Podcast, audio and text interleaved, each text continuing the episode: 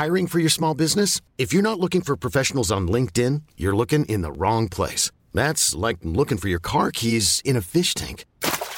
LinkedIn helps you hire professionals you can't find anywhere else, even those who aren't actively searching for a new job but might be open to the perfect role. In a given month, over 70% of LinkedIn users don't even visit other leading job sites. So start looking in the right place. With LinkedIn, you can hire professionals like a professional. Post your free job on linkedin.com slash achieve today. Ryan Reynolds here from Mint Mobile. With the price of just about everything going up during inflation, we thought we'd bring our prices down. So to help us, we brought in a reverse auctioneer, which is apparently a thing.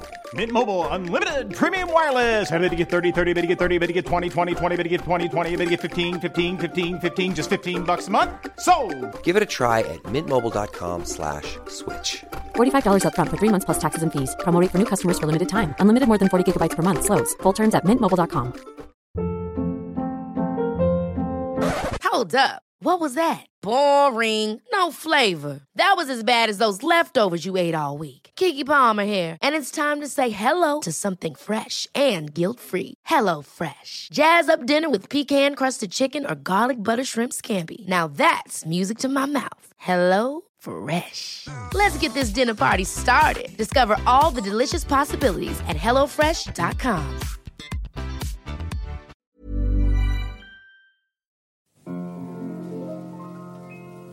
Ifall du knegar upp till Skansen kronans topp Du får en liten utblick över stan. Mellan hustak kan du se just en grönskande allé och kyrkans gröna tak vid Hagaplan. Och ser du västerut där himlen tycks ta slut du skymtar Vinga fyr liksom en prick från kvarteret nedanför du glada toner hör. Det är folk som samlas kring en flaska dräck. Jag knör dig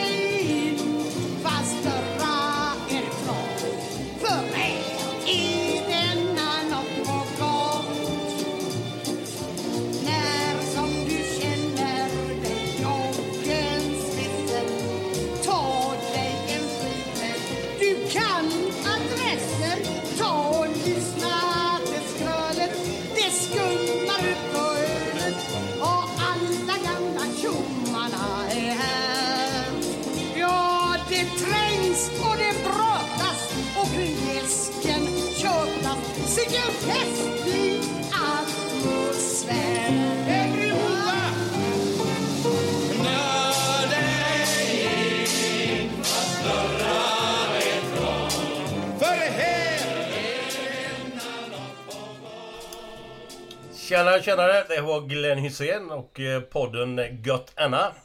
Idag har vi våran eh, eminenta gäst här, Bert Karlsson. Välkommen! Tack. Välkommen, välkommen. Micke, du kör igång.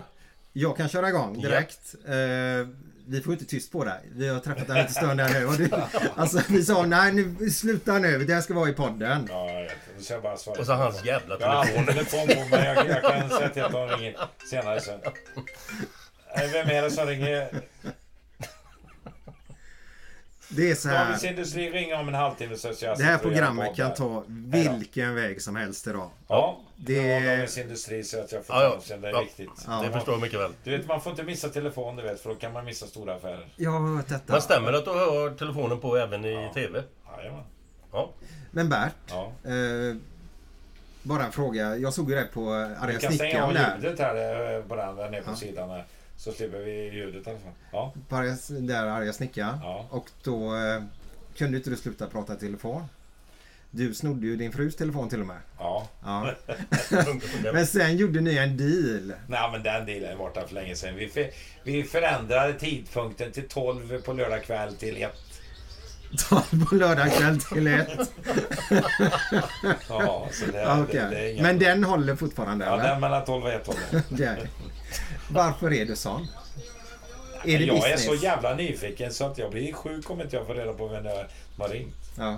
Ja, alltså artister är de dummaste jävlarna som finns för de förstör sin egen karriär. För de stänger av telefonerna eh, nästan med en gång alltså när de har eh, blivit Ja, kända. det kommer fika här nu. Ja, det kommer, Ja, du kan komma in kom här så. Fika Tack, tack mycket. Tack, tack, tack. Kommer Kaffet kommer också. Tack för det. Jo, eh, jo, de är så korkade så de stänger av telefonerna, vet. Och då får de inte tag i folk. Det finns ju många som har missat sin karriär. Sara Löfgren till exempel är ju så. Okej. Det var ju aldrig så någon som fick tag i henne. Nej. Ja, men de är korkade. De tror att de är någonting då. Jag, vill, ja, jag får ju naturligtvis mycket samtal som inte jag vill ha. Ja, Och jag hade ju väldigt mycket då ett tag när jag höll på i Kungsbacka där, för det var ju Tack. många rasister där. Det var ju de som hittade på våldtäkter till och med bara för att eh, få upp debatten på invandrarproblematiken. Okej. Och eh, de ringde ju och jävlades. Och, eh, det sista så sa de, ja vi lägger inte ut det på nätet. Ja men det vill jag verkligen att vi ska göra. Jaha. De trodde att jag brydde mig om det. Jag, jag läser inte ens nätet så jag skiter i vad ni skriver. Så. Ja. Ni får göra precis vad ni vill men jag tycker ni är stora skithögar allihopa. allihopa. Men har du alltid hållit på så här med telefonen? Alltså, du har alltid svarat, i- eller har det blivit på senare år? Eller? Nej, jag svarar inte så alltid. Jag, jag tycker att har man en telefon och skaffar sig biltelefon så måste man ju fan svara i den. Det är sant. Ja, det stämmer. Ja, det är ganska självklart. Jo, men det är det. Men ibland kanske man vill stänga av den lite. Ja, men, det eh, kan man göra i och för sig. Det har jag gjort vid några tillfällen. Några tillfällen. Vad är det för tillfällen då? Ja, nu till exempel har jag stängt av den. Nu får jag Ja, ljudet, alla ja. jävla ljudet. Men då ser jag vilka som har ringt. Jo, Men, ja, men ja. du, när, när, när gjorde du din första business? Alltså vilken ålder gjorde du? Alltså köpte eller sålde Tolv. eller någonting? 12? Ja. Vad var det? Lillasyrrans cykel eller lite grann? Nej, nej, nej. Då sågade jag, tog på mig beting i eh, sågverket. Och eh, där bodde Nisse Tidan förresten precis vid sågverket, en gammal fotbollsspelare i IFK. Eh, jag tog eh, beting och sågade i meterlängder så här, baka som blir över när man gör eh, plank. Sågverk. Och eh, gjorde, staplade upp det i meterlängder. Och då hade jag en fyra, fem anställda. Som 12-åring? Ja. Det är helt makalöst. Nej, men jag var 15 anställda när man är 12. Ja, ja, det är fyra anställda. Eh, när jag var 15 så drev jag ju en hel ishockeyklubb. Mm. Jag spelade inte det. Jag spelade i Skövde nämligen. Men jag drev upp den. Skapade, byggde den. Alltså det vill säga byggde... Då fick vi bygga allting. Då fick vi bygga belysning och omklädningsrum och sarg och allt. Ja, jag har hört lite rykten om detta. Du får säga nu om jag har fel eller inte då. Men du höll på med bingo ganska tidigt också va? Ja, men det var mycket, det var mycket senare. Ja, okej. Det här är är 15-16 år. Okej. Och gick i skolan i Skövde. Jag gick ju på Lärverket där ett tag. Mm. Eh, ihop med Bosse Ringholm förresten, han som har otur när han tänker. Okej. Han har otur när han tänker. han har jävligt otur han var. Mona Sahlin har tagit efter tyvärr. ja, vi är skolkamrater, du vet. Han spelar också fotboll i Skövde AIK sedermera. Ja, han var ganska duktig va? Ja, han var inte dålig. Men du var inte illa, eller jag ju... Så junior var jag okej alltså. För då spelade jag. Jag hade ju Selmosson som tränare då. Han kom hem ifrån Italien 58. Okej. Då spelade jag i... Jag var ju den enda junior som spelade i Skövde AIKs A-lag då. Okej. Eh, Så jag gjorde ju några bra matcher. Jag mötte Ove Grahn några gånger och det var ju skojig historia. Han lurade mig så in i helvete på gången.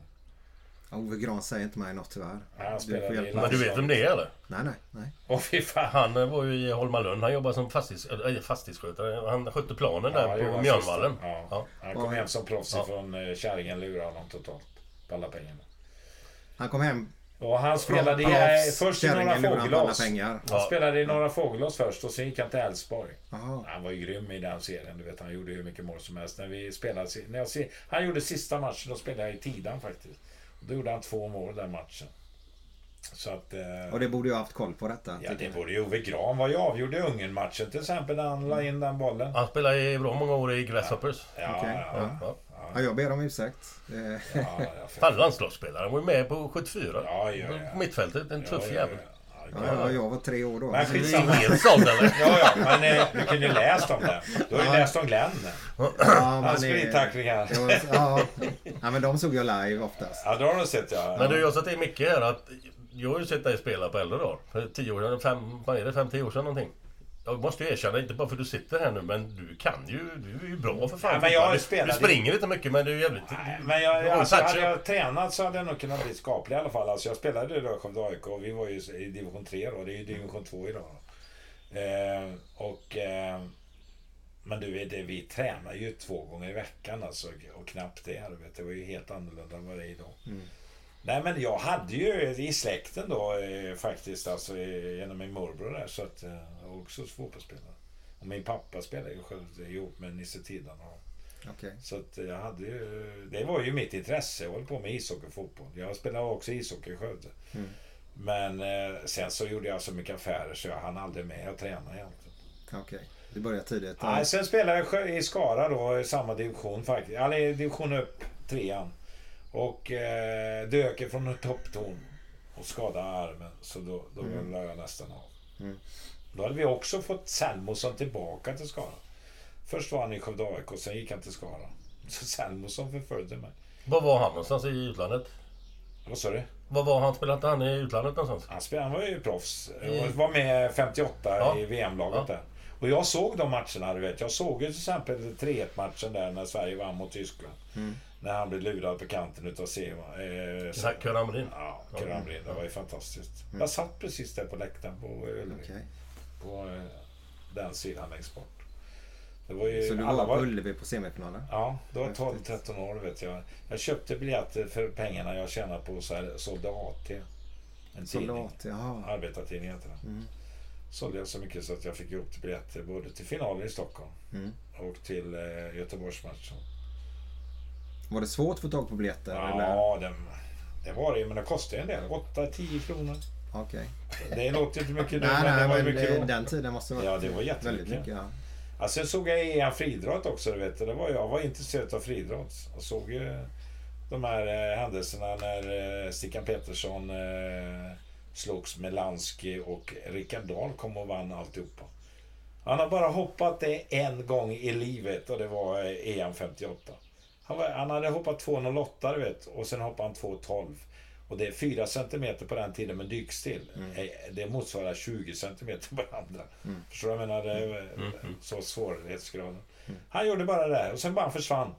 Och efter 20 år så berättade jag den här historien för sportjournalister som kommer till Sommarland. Okej. Och då säger jag, är det någon sportjournalist som känner till var han tog vägen? Ja, det är jag, sen. Då har han jobb, visar han sig jobba på Hässleholms Tidningar. Någon sportchef. Ja, vad häftigt. Eh, Häftig historia, Ja. det måste jag säga. Men Bert, vi kan ju prata om allt. Och Ja, du flyger iväg åt till höger och vänster. Va? Men vi är ju här uppe på en camping nu. Ja, Vi är första gången vi inte gör podden hemma. Eh, vi sitter vid Värnen va? Är det så? det är Vänern in här, ja. Ja. På Dalslandssidan. Dalslandssidan. Alltså, det tillhör faktiskt Vänersborg. Ja. Vad heter campingen? Den heter Ursand. Ja. En gammal camping här. Gamle löparen hade simskola här faktiskt. Han som var en av de stora i Sverige som körde ihop med på den här tiden. Han tog världsrekord varannan dag. Jag kommer inte ihåg vad han heter men han hade simskola här ute. Var det med Dan Werner gänget där eller? Nej, mycket tidigare. Gunnar Hägg? Ja. Okej. Och... Eh, så det har ju varit en gammal eh, mötesplats här för eh, världsborgarna. Ja, okej. Ja.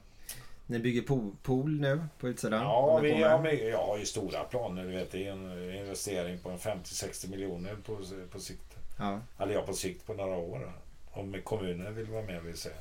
Jag vill ju bygga marina här också så man tar emot hela eh, Väners trafik. okej.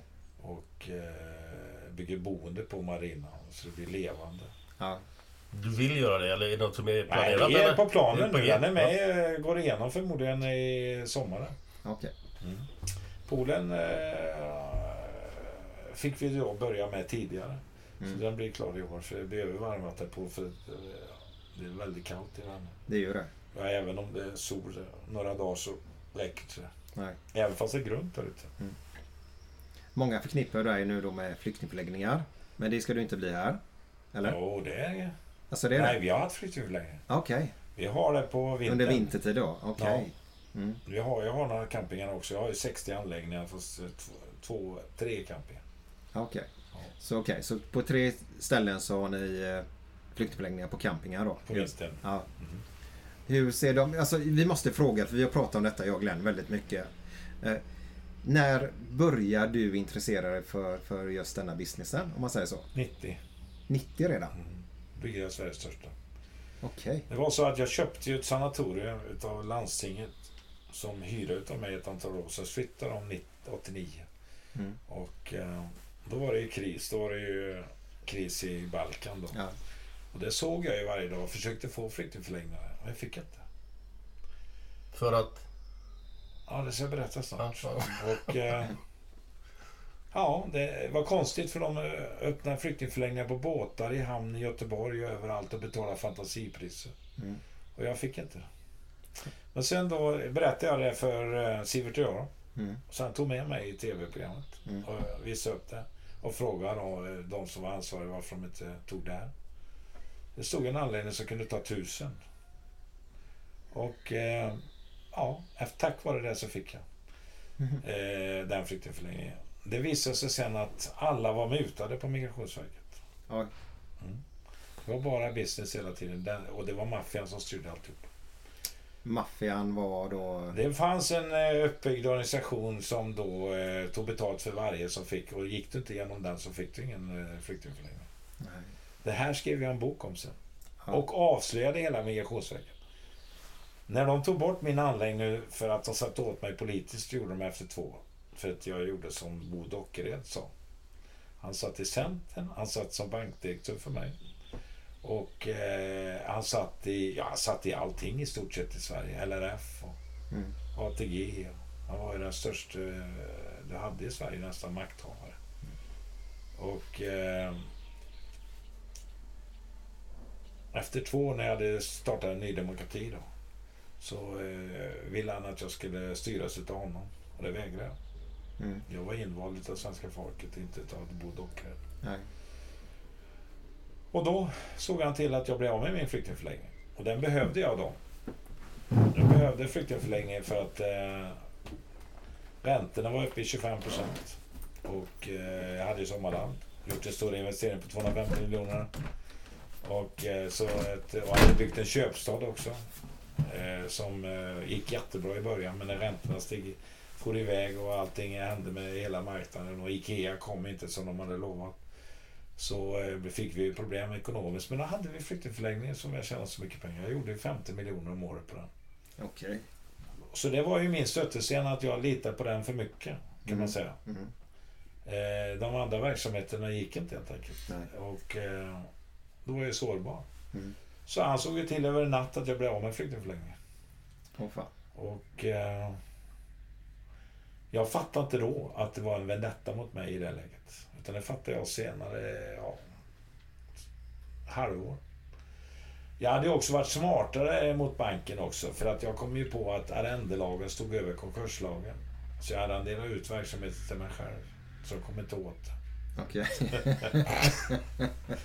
Så att eh, de fick ju lösa ut mig, men det var ju inte de pengarna. Jag fick, eh, jag fick ju 10-12 miljoner, men jag hade lagt 250. Så att jag, för- de tog allt för mig. Mm. Så jag fick ju verkligen börja om från början. Men jag tänkte jag ska knäcka eh, Bo Dockered Ja, jag först. tänkte det. Och Danken. Mm. Du måste väl... eh, Så jag gick eh, till Aftonbladet och vi gjorde 33 helsidor. Och eh, banken gick åt helvete. Den finns ju inte som du vet, Föreningsbanken. Nej. Utan det blev ju Sparbanken som köpte upp den. Mm. Och... Eh, ja, helt enkelt. Men sen var jag inte nöjd med det heller. Utan jag tänkte att jag ska knäcka Bo Dockered. Och jag Mm. lyckades väldigt bra för han är A-lagare mer eller mindre idag.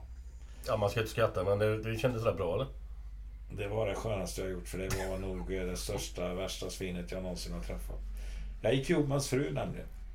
Och eh, fick eh, dokumenterat väldigt mycket av hans affärer, bluffaffärer och så vidare. Så jag skrev ju det i min bok också. Han, han eh, satte aldrig åt mig överhuvudtaget för förtal eller någonting. Så det var ju sant allting. Självklart, jag vågade inte skriva någonting som inte var sant. Men det sjukaste var ju att efter nu för tre år sedan så kom ju älskarinnan som han gifte sig med, Lisa Dockered, till mig. Och berättade resten. Okej, vad var resten? då? ännu mer. Så det kommer i nya boken nu.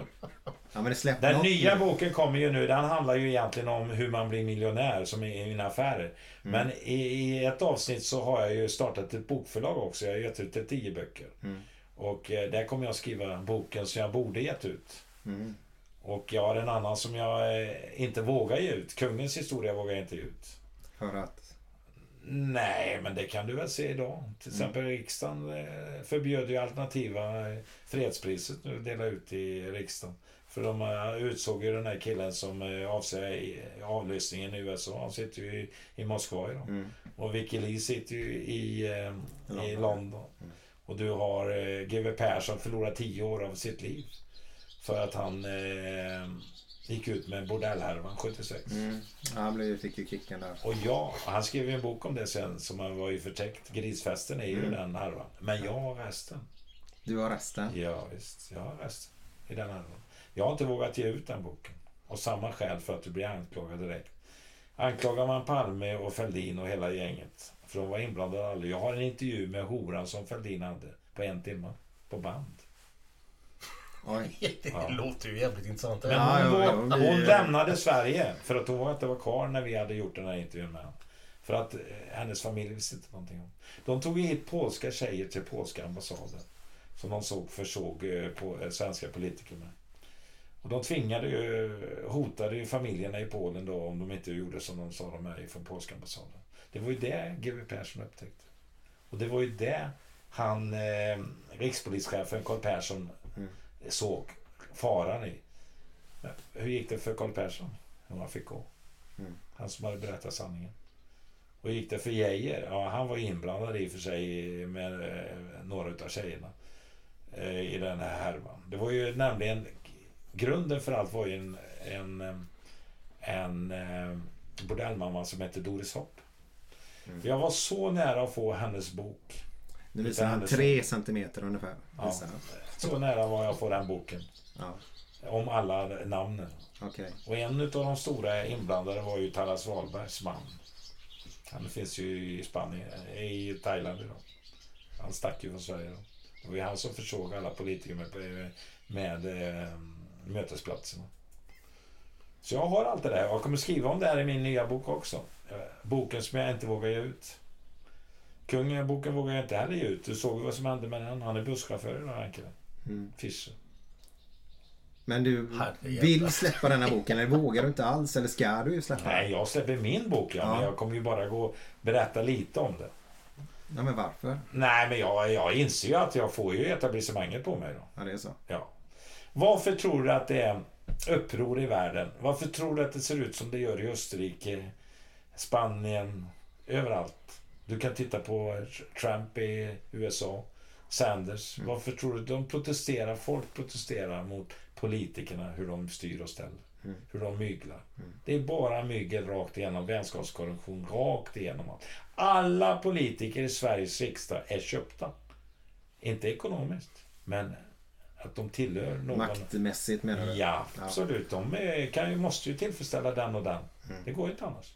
Annars kommer man ingenstans. Nej, du kommer ingenstans. Korridoren. Nej, det är kört.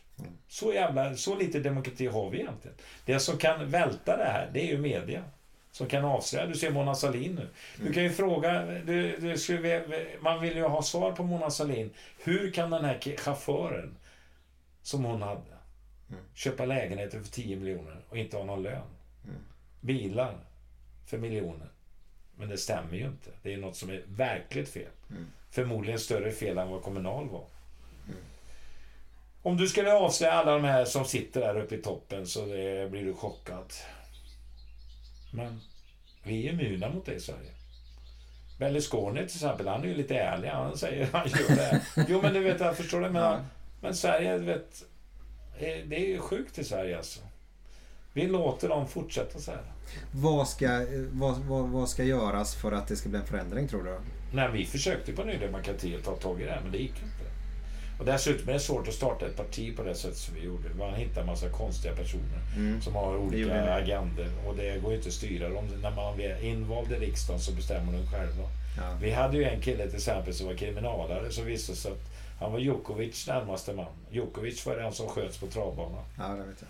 Ja, och det visade sig att han, han satt i rummet med mig med att bilda ett nytt parti på riksdagen. Unionspartiet. Och sen Och det var han- hela juggemaffian. Ja. Satt i rummet bredvid. Men hur gick det där till med, med Ny Demokrati? Vem var det, som, var det du eller Ian som började här? Det var hur ju, det var ju så att Fick han tag i dig eller hur? Eller hur Nej, det så här, jag gjorde det på skoj, en skuggregering. Och tog fram fält och alla möjliga duktiga människor som jag tyckte var duktiga. Kamprad och företagare blandat med politiker som jag tyckte var bra. Jag hade ingen statsminister och det var någon jävel som sa att... Eh, kommer du inte ihåg den där eh, killen som hade skrivit om eh, elefanterna? Eh, jo, så jag, det kommer jag ihåg. Jag hade sett det här programmet. Det var eh, en greve som hette Ian Wachtmeister. Ja, fan det kanske inte är så dumt. Vågar han utmana etablissemanget så, så är det ju bra. Så jag satte upp honom. Han tyckte ju att krokodil, alltså politiker var som krokodiler, stor käft och inga öron och det tycker jag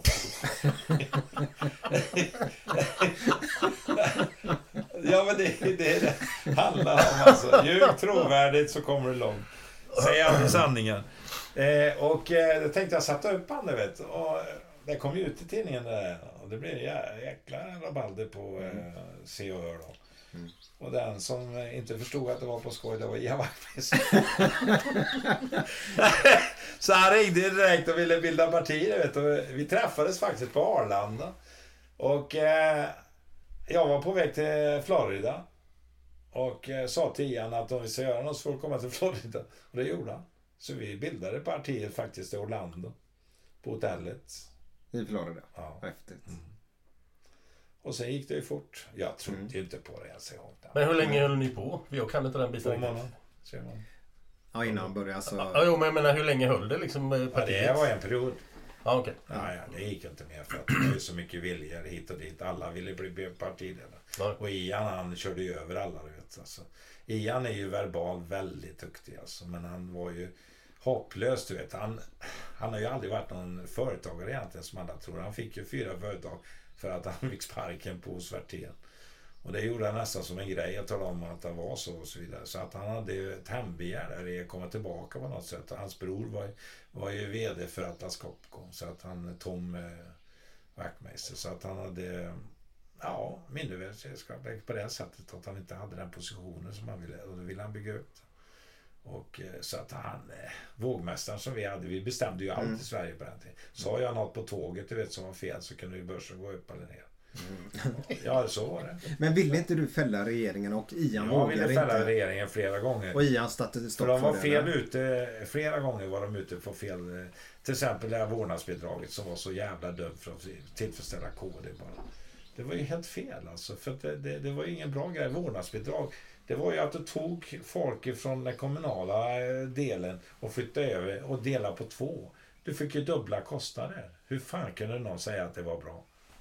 De, jag menar, det, det är ju, tyskarna använder ju det som ett exempel som är världens sämsta reform någonsin. Och det är ju borttaget idag. Så att jag menar, det var ju sådana grejer som, vi ville fä- som jag ville fälla regeringen flera gånger. Men det ville inte Ian. Du vet, det räckte med att Bill kom ut till honom så ändrade han alltihop. Var det makten han ville åt Ian? Det var eller? makten alltså helt och hållet. Och, eh, han ville visa de här eh, i näringslivet att äh, jävlar namn. Han var Vet. Ian ju väldigt omtyckt eh, faktiskt ute på företagen. Mm. Men, för han gjorde ju aldrig som styrelsen sa. Han struntade i styrelsebeslut och så vidare. Det var ju där Werthén slu- eh, slutade och tro på honom och sa Mm. att du får gå. Du får fyra företagare. Och de företagen gick ju inte några. Jag har tänkt med det riktigt nu, men lever han eller? Va? Lever Ian? Ja. Ja. Har ni kontakt idag eller? Ja, någon gång ibland sådär. Ja, okej. Ja, ja, han hade, han försökte få tag i mig för några år sedan. Han hade skrivit en debattartikel så fick han inte in den om inte jag skrev på den. Och det var till Expressen och det var ju, han hade skrivit i stort sett att eh, Ja, det var ju i stort sett att starta ett nytt parti igen. Jag sa det går aldrig, jag kan aldrig skriva på. Kritiken i det du har skrivit kan jag gå med på. Så jag tog bort allt det andra. Men han, ja, han är ju fortfarande rådgivare till Jimmie Åkesson. Så han försökte gå den vägen också. Ja, rådgivare till Jimmy Åkesson. Det har varit hela tiden. Okej, hade jag inte aning. Och det har han ju varit uppe med vet, och sagt att, och det har han ju stått för, det hedrar honom. För jag tycker inte Jimmie Åkesson är värre än någon annan, för de sa sanningen om flyktingpolitikens konsekvenser. Felet han hade, det var att han hade ingen lösning på det. Nej. Det var ju, jag skällde ut Göteborgsgruppen här nu ordentligt i Göteborg när vi hade en debatt. Och de tog till sig detta faktiskt, kom upp till mig och eh, lyssnade på mig. Och de flesta i den gruppen höll med mig till 100%. Hade de kommit med olika förslag så hade de fått igenom saker och ting. Nu är det ju fruktansvärt alltså. Det, det regeringen bestämmer nu alltså och gör. Det är ju värre än vad någonsin de har varit i närheten av i krav alltså. Så menar, Säg, säg lite exempel så vi hänger med. Ja, vi kan ta till exempel det senaste nu att man ska visa ut eh, de som har fått nej ska ut på dagen. Och det tror de att samma dag som de har fått beskedet att de inte får vara kvar i Sverige så får de inga pengar och de ska slängas ut ifrån flyktingförläggningen. Och det ska Kronofogden göra. Hur tror du det kommer gå? Det kommer vara vi som får ta ansvar för att de bor kvar. Vi kan ju inte slänga ut dem på gatan en dag. Från en annan. Men är detta klubbat alltså? Ja visst. Oh, ja. Det, jag hade, det, innan kom jag en intervju för eh, radion om detta. Det är inte klokt. De lastar över på oss. Det är likadant ensamkommande barn. Som idag styrs utav de stora bolagen som inte skattar i Sverige. Aleris, Attendo, alla de där skandalerna som läser om. Ligger bakom. Vilka jobbar det då? Reinfeldt, Filippa, vår första minister. De anställer folk och vi jobbar i Balder som hyrar ut lägenheter i Göteborg 20 kvadratmeter för 60 000 i månaden till Migrationsverket. Jo, förre gener- eh, direktören för eh, generaldirektören för eh, Migrationsverket. Oj. Det var som fan. Ja. Hon är ordförande i Balder. Jaha. Hon fick sparken då på den tiden. Jag sparkade henne en gång i tiden, 92. När Okej. vi hade avslöjat allt det här. Mm. Rogestam heter hon. Balder tjänar bra med pengar just nu. stod det i tidningen. 7,2 miljarder tjänar han och ändå kan han inte... Måste han in i flyktingbranschen och plocka ut de här priserna? Skulle jag plocka ut de priserna skulle jag bli avrättad. De tar alltså 60 000 i månaden för 20 kvadratmeter rivningsskåp. Och skäms inte utan säger att vi ställer upp. Och vad gör de för att det inte ska synas till Balder? Jo, de bildar ett bolag emellan. Jaha. Är Första det, är det sånt jävla mygel? Så alltså, mycket på- det. De stora myglarna är de aktörerna och plockar ut pengarna. Det är de som är Balder och gänget. Då syns jag den Balder och är delägare i Malmö där. Hela den eh, Rosengård. Vilka priser de plockar ut och vilka pengar de tjänar. Men Bert, när vi är inne på På detta nu. misär. Bert, Och så säger de att de ställer upp. Bert. Ja. Vi kan väl reda ut detta lite grann då. Som, för det, vi har ju mycket knegare som lyssnar på oss. ja.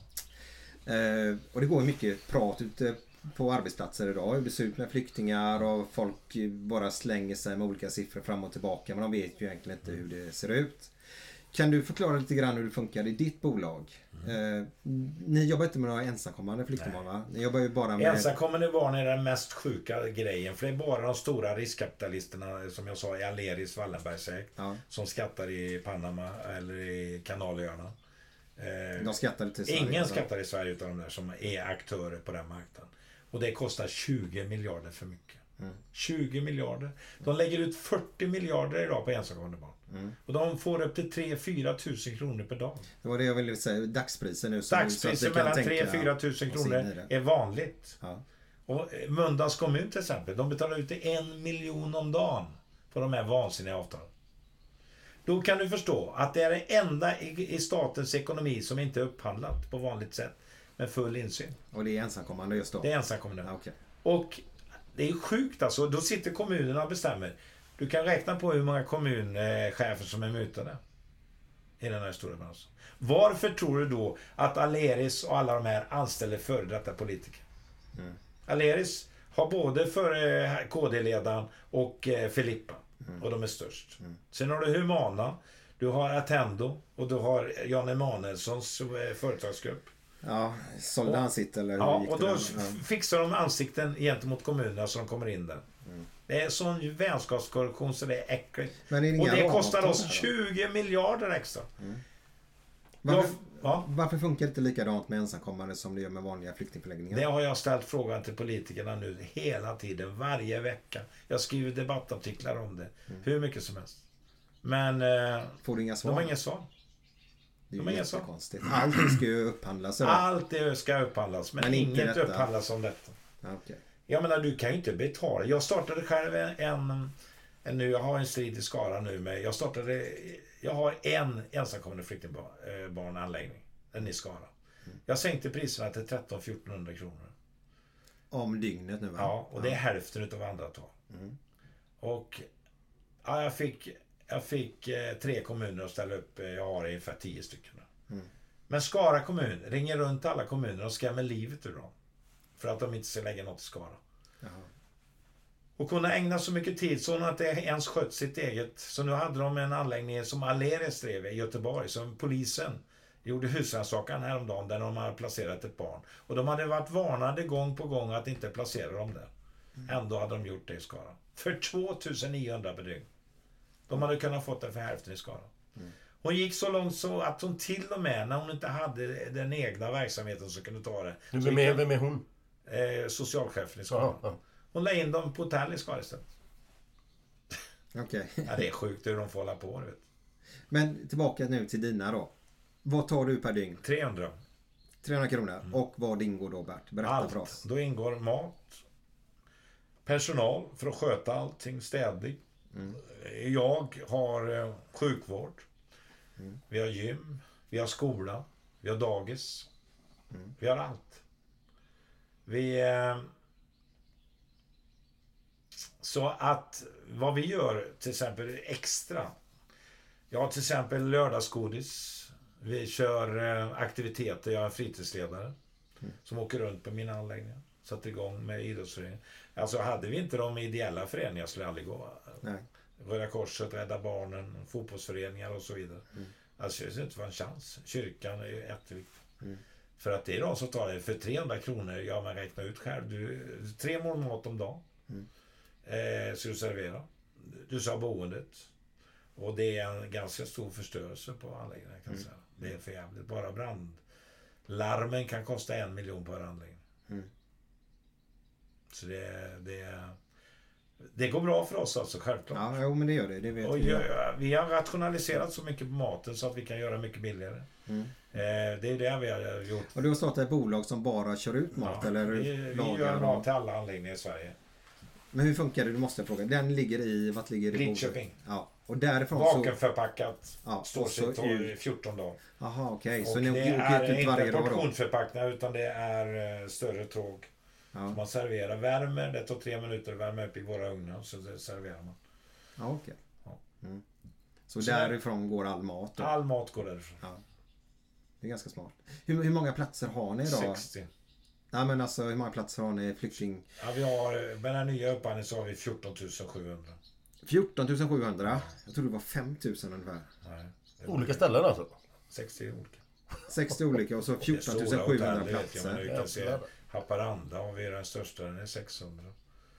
Eh, gamla, det är ju en fantastisk anläggning som Akelius hade. Du vet, han byggde ju, satsade 250 miljoner uppe på en spaanläggning för hela Norden. Men Det är så. 14 700? Nu blir jag lite chockad faktiskt att det var så mycket. Ja, vi omsätter lite över en miljard. Ja. 1,2. Och du pratar om att ni vill upp till två eller? Ja, men det är med boendevagnarna och så vidare. Vi, Ja, vi kommer in på det. Det är det som vi på, det som är vid sidan om så att säga. Mm. Får jag bara fråga en fråga Bert där. Äger ni varje anläggning eller hyr ni äger er, inga, tre anläggningar äger vi. Tre äger ni Ja, själva? de köpte jag själv från början men jag insåg att om jag skulle dra ner allt det här skulle det gå åt helvete. Så står Mm. med 60 anläggningar. Så jag, vi hyrar och betalar dessutom med bra hyra istället. Mm. Det är därför vi har fått det övertaget. Vi är lika stora som de andra nio eh, andra på topplistan Okej. De kommer inte upp till vår omsättning på nio anläggningar. På nio konkurrenter. Nej. Men de äger sina och ni Nej, de er? äger inte sina heller. Nej. De hyrar som vi gör. Ja. De flesta gör så i alla fall. Det finns några som hyrar, men... Eller som äger. Mm. Men det är inte många. Nej. Det går inte att köpa på sig så många andra. Men om vi kommer tillbaka till ramavtal där. För jag har hört att det ska vara svårt i den här branschen då. Att ni kan inte se någon långsiktighet i Nej, det. vi ser ingen. Vi har inte haft Vi har haft sex månader. Är det Hela alltså, tiden. handlar man upp sex månader åt Ja, gången? men nu har jag fått regeringens representant Ulrika Gordon Johansson som eh, såg till att det blir treårsavtal nu. Okej. Och då har sänkt priserna. Så nu Ja. ligger vi på 270. Ja, okej. Och det är för att ni kan se en Men långsiktighet du vet, i det? många då? var ju uppe i 600 kronor. Okej. Jag sänkte ju priserna till hälften när jag gick in. Mm. När jag gick in i det här, jag, när jag såg att de här priserna som var, då såg jag att det här kan ju inte fortsätta. Så jag sänkte ifrån 600 kronor ner till eh, runt 300 kronor, till och med under 300. Mm.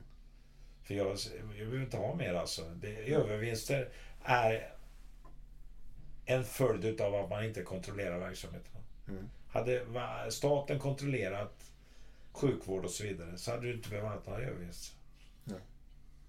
Men det är när man inte kontrollerar som det Och det är mycket mygel på det här. Alltså många kriminella som varit inne. Ja, men det är ju så. Ja, Det drar ju in sig. tyvärr allt för många. Ja, det är så. Det fanns en advokat eh, som var HD-advokat eh, i Göteborg, Mm. Kungsbacka. Mm. Han fick ju sluta för sitt samröre både med, med motorcykelgänget och med eh, Migrationsverket. Mm. Men han driver fortfarande kvar. eh, Han är näst störst. Okej. Han har eh, bulvan, bulvan, bulvan. Ja, men allt funkar ju. Om man vill hitta en lösning Ja. på det. Han hittade lösningen. Han Mm. köpte, såg till att ett snickeri som heter Tofta snickeri eh, ansöker för de hade bra ekonomi. Och sen så fixar de mellanhänder på alltihopa. Och han i slutändan, han måste fuska för annars har han inte en chans Nej. att få ihop det. Men Är du, är du alltid ute och flyger och far på olika ställen och sådär som, i olika bolag som du har? Eller, eller sköter du mycket hemifrån? Jag eller är du ute och mycket- flyger mycket- och far? Eller? Nej, jag sköter mycket hemifrån. Men eh, jag har ju kontakt med kommunen och allting sånt där. Utåt sett. Jag har en kille som, det är tack vare han vi har kunnat bygga det. Annars hade det aldrig gått. Han är 33 år. En eh, fantastisk kille som jag hittade. Han var skyldig mig pengar nämligen. Så han får jobba det istället. Jag tyckte han var skitbra. Så jag, jag tyckte hela livet. Men han Ja. var ute för fel grejer. Mm, det är lätt att hamna där. Ja, så jag löste alla hans skulder och allting. Han fick körkort och han fick bankkort och alltihop. Mm. Och han, är, han har en lön idag på 3 miljoner. Mm. Så att... eh, Det är bra. Är Ja, han är ju han är ju med som delägare i företagen också. Mm. Han är ju. Han, utan han har det aldrig gått. Nej, du har väl din eh, dotter och son med i företaget Ja, men också? de eller? är inte med och jobbar med. Nej. De jobbar med helt andra grejer. Ja. Man jobbar ju på To Entertain, ett företag som jag också delägare i. Ja, det känner jag. Ja. Som eh, sysslar med underhållning. Ligger väl i Göteborg, va? Ja, vi har Wallmans salonger. Vi har allt Mm. underhållning i Göteborg och Liseberg. Men du, ja, förlåt. Ja, kör du. Nej, jag tänkte bara, du är ju fan 70 bast nu alltså. Ja. Men Du känner inte liksom att eh, skulle trappa ner, lugna ner dig lite eller? Du är fullt upp i allting? Ja, för fan det går inte. Jag bygger poolen här. Och så spännande grejer för att bygga den här stan. Eh, första stan egentligen för det här boendet. Den är mest spännande att bygga gator och alltihopa det här och lekplatser. Med de här nya bygg... Ja. De här vagnarna som jag säger. Berätta lite. Vad är, vad är det för vagnar? Är det, alltså, jag får för mig och läste i tidningen om eh, du ska köpa ut massa vagnar. är det är det moduler typ på trailer parks? Ja, Eller? trailer park kallar vi det. Det är moduler på hjul egentligen. Mm. Fast de är gjorda, är mer anpassade till att det är en lägenhet än en- det är en campingvagn. Och det är, hur stora är de? 38 kvadratmeter inne och sen är det 20 ute. Ja, typ en altan, Ja, balkong, ja, slash då. absolut. Ja. Och sen bygger vi det på ett speciellt sätt. Sätter dem så de blir snyggare så blir det som en stadsbild med torg och Ja. och gungor och eh, lekgrejer i mitten. Men det är inte bara flyktingar det här. Nej, du, du tänker ju större än så. Nej, nej, nej, nej. Jag vill ju satsa på eh, skolungdomar och eh, de som inte har de här höga lönerna med. Mm. Och bygga, man kan ju bygga speciella parker bara för pensionärerna till exempel. Mm. Jag håller ju också på med ett annat projekt som är som är eh, där jag konkurrerar med Balder på eh, inomhusmiljö också med tropiskt klimat hela året. Där man bygger som ett U och sen med tak över så här. Ja. Och eh, det har 20 grader invändigt hela tiden. Man har en stor innergård där du kan odla vi- vindruvor, apelsiner och alltihop. Finns det sånt i Partille vet jag. Ja, det finns ett sånt, men det, det är det mycket, mycket, mycket, mycket, mycket sämre än det jag har. Ja, men det förstår jag. För det, ja, men, naturligtvis. jag, har utvecklat, jag har utvecklat deras grej kan man säga. Deras idé är bra. Ja. Men de har byggt på massa växter invändigt bara. Inte för att kunna odla någonting till exempel. Nej. Ingen pool invändigt till exempel. Nej. Och sånt. Jag vill ju skapa Teneriffa i Sverige helt enkelt. Mm. Med alternativa uppvärmningar. Mm. Jag har en kille som heter Solvärme faktiskt. Han har ju byggt ett hus du vet uppe i Dalsland. Där byggde han huset först och sen byggde han ett växthus över. Ja, men det har jag sett på TV. Ja, ja. och han är med i det här projektet och Chalmers. Okej. Så de är med och utvecklar nya. Så vi har eh, rundgång på allting. Toaletterna går ut som eh, eh, gödning i trädgården. Så att eh, du använder allt. Det är det, vi, det är det jag siktar på. Jag har en tomt i Grebbestad. Jag har fått bytt två gånger nu för att det, det är grannar som överklagar. Ja. Så nu har jag en tomt som jag hoppas få igenom. Jag har inte fått svar riktigt än. Det är Det svårt med seniorboende. tomter eller? Nej, det borde inte vara det egentligen. Men det är, överklaga. det är ju därför det inte byggs i Sverige. För att alla kan överklaga allting. Norge är ju lite bättre för det kostar lite pengar om man ska överklaga va? Ja, precis. In, inte mycket men det lite. borde ju va? vara så i Sverige också. Du skulle få betala om du förlorar. Det Ja. vore så enkelt. Alltså företagen ska vara en bot för det privata 10 000 kanske. Då skulle de inte hålla på och, och överklaga allting Nej, för vissa går in i verkligen detta att jag ska bara Och överklaga. det går inte. Det går, håller inte. Det är därför det inte byggs i Sverige. Det är Men gör de det bara för jävlas eller? Ja, vad de gör det de? för jävlas Det finns var ju så. Hur fan orkar man hålla på så då? Det finns de som ägnar hela livet åt detta. Ja. I Grebbestad var det hur många som helst såna här eh, idioter som satt där. Som, in, som bor fyra veckor kanske där. Och inte resten skiter de i sen att det ska fungera hela samhället hela året. Mm. Så de motar ju allting egentligen. Allting tar jättelång tid att få igenom. Så Grebbestad är en prototyp alltså. Det är jätteintressant att få se hur det går. För jag kommer ju driva det ganska hårt. Jag hade ju Nemet Kaplan som tyvärr fick sparken nu med på det här alltså. För de måste göra något av plan och bygglagen. Annars går det inte. Du kommer inte få byggnationen att fungera i Sverige. Allt överklagas. Allt. Är det ett problem för ert företag? Ja, vi har haft jätteproblem. Jag har vunnit varje gång. Mm. Och nu har jag fått Länsstyrelsen att agera mycket snabbare. Miljödomstolen eh, hand, eh, handlade ett ärende på en timme häromdagen. Mm. Sex månader brukar det ta. Men det är för att det är du Bert. Nej, inte alls. Utan det var politiskt alltså. De hade sagt till eh, Länsstyrelsen alla, ni får sluta med eh, och sätta stopp för de här som sitter och jävlas. För de fick ju inte fram flyktingförläggningar. Nej. De stoppade ju Kungsbacka till exempel. Det var ju kommun som stoppade politiker där som gick ihop. Mm. Eh, och stoppade och överklagat hela vägen. Man hör ju oftast det där att vi ska ta emot flyktingar men, Men- inte här. Här. Nej, Precis, det kan vi bygga där borta istället. Ja. Bara jag Och så slipper är det se med vindkraftverk också. Ja, Allting som... eh, Och kärnkraft kan vi gärna ha, men inte hos oss. nej. Utan det kan vi ha i Baltikum istället och eh, i Ryssland och Mm. i Finland. Och kolkraftverk kan vi ju ha någon annanstans, men inte i Sverige. Mm. De är så jävla korkade som tror att det inte påverkar oss ändå. Nej, men du ser vilken dubbelmoral det är. Jag hatar den. Mm. Jag hatar allting sånt som har med etablissemang att göra. Jag hatar arvingar till exempel som inte kan ta hand om sina eh, företag. Eh, Jaha, jag tror du menar Ja, jag trodde du menade musikgruppen. Vad Arvingar. fan Nej, nej, nej, nej, Arvingarna? jag var alla. Kasper du Det finns så jävla många. Det finns så många du vet, som har ärvt pengar och lever på sina pappas framgångar. Ja, det är det. Ja, det är, jag hatar dem, du vet. eh, Översittare. Men dina barn kommer ju ärva dina framgångar. Jo, men de är inte på det sättet. De kommer aldrig i närheten av sånt. De är helt vanliga människor. Ja. Alltså det, det här stropperiet vet, och överlägsenheten. Mm. Jag kan säga att GP faller ju på detta.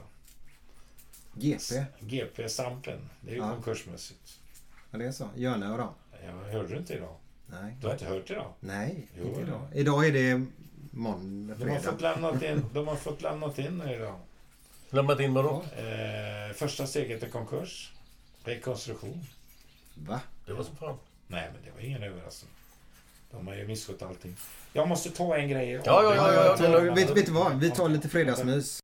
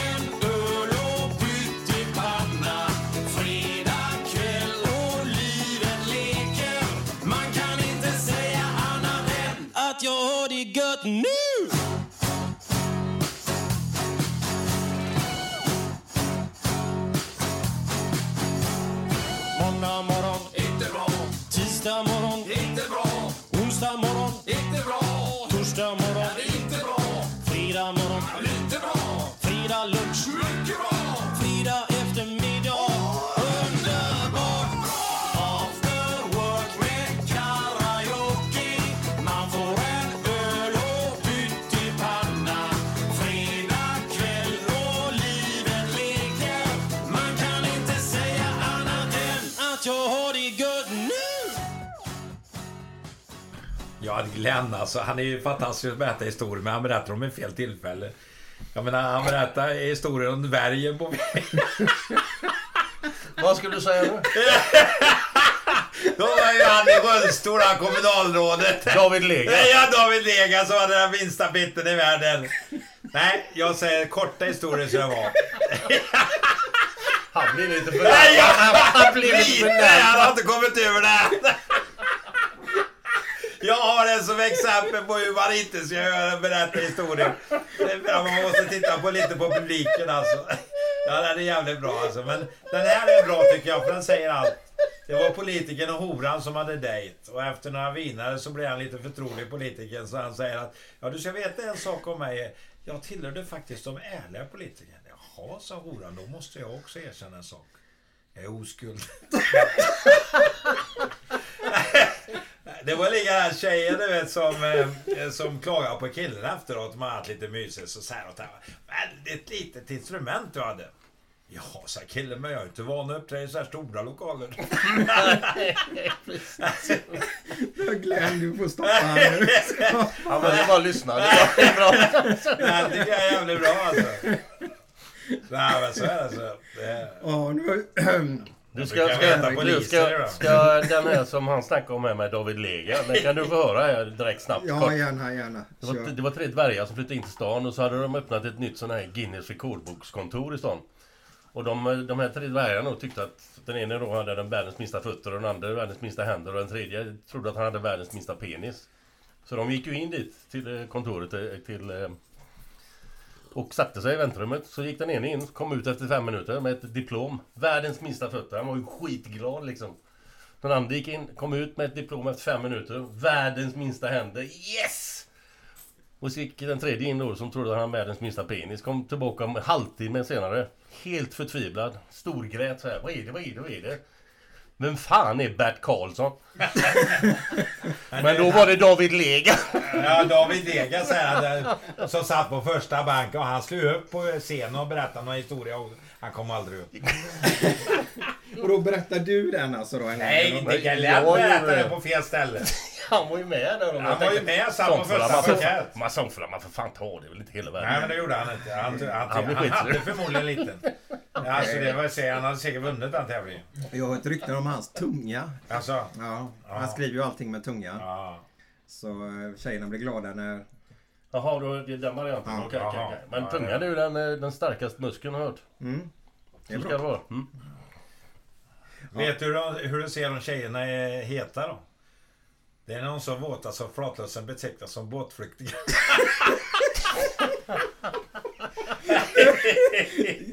Bert, nu får, nu får du lugna dig alltså. Är det, Ta till lite lugnt. Då är de klara alltså. Så du får kolla upp lite. Ja, så är det. Eh, Bert, nu får du lugna dig. Jag måste komma tillbaka. Min hals har ballat Du, du ska veta en sak, man måste ha roligt.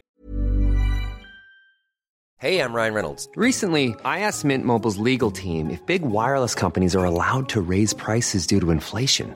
They said yes. And then when I asked if raising prices technically violates those onerous two year contracts, they said, What the f are you talking about, you insane Hollywood ass? F- So to recap, we're cutting the price of Mint Unlimited from $30 a month to just $15 a month. Give it a try at mintmobile.com slash switch. $45 upfront for three months plus taxes and fees. Promo rate for new customers for limited time. Unlimited more than 40 gigabytes per month. Slows. Full terms at mintmobile.com. Ever catch yourself eating the same flavorless dinner three days in a row? Dreaming of something better? Well, HelloFresh is your guilt free dream come true, baby. It's me, Gigi Palmer. Let's wake up those taste buds with hot, juicy pecan crusted chicken or garlic butter shrimp scampi. Mm. Hello Fresh. Stop dreaming of all the delicious possibilities and dig in at HelloFresh.com. Let's get this dinner party started. Wow. Nice. Yeah. What you're hearing are the sounds of people everywhere putting on Bombas socks, underwear, and t-shirts made from absurdly soft materials that feel like plush clouds.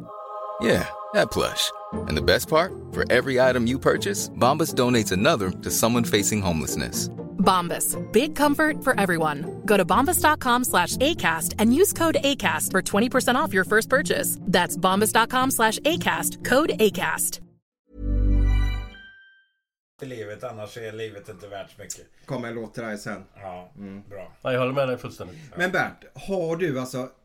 Du, det kan inte vara lätt att vara fru till dig. Nej, det är otroligt. Hon har stått ute i 50 år och har varit ihop med samma skata hela tiden.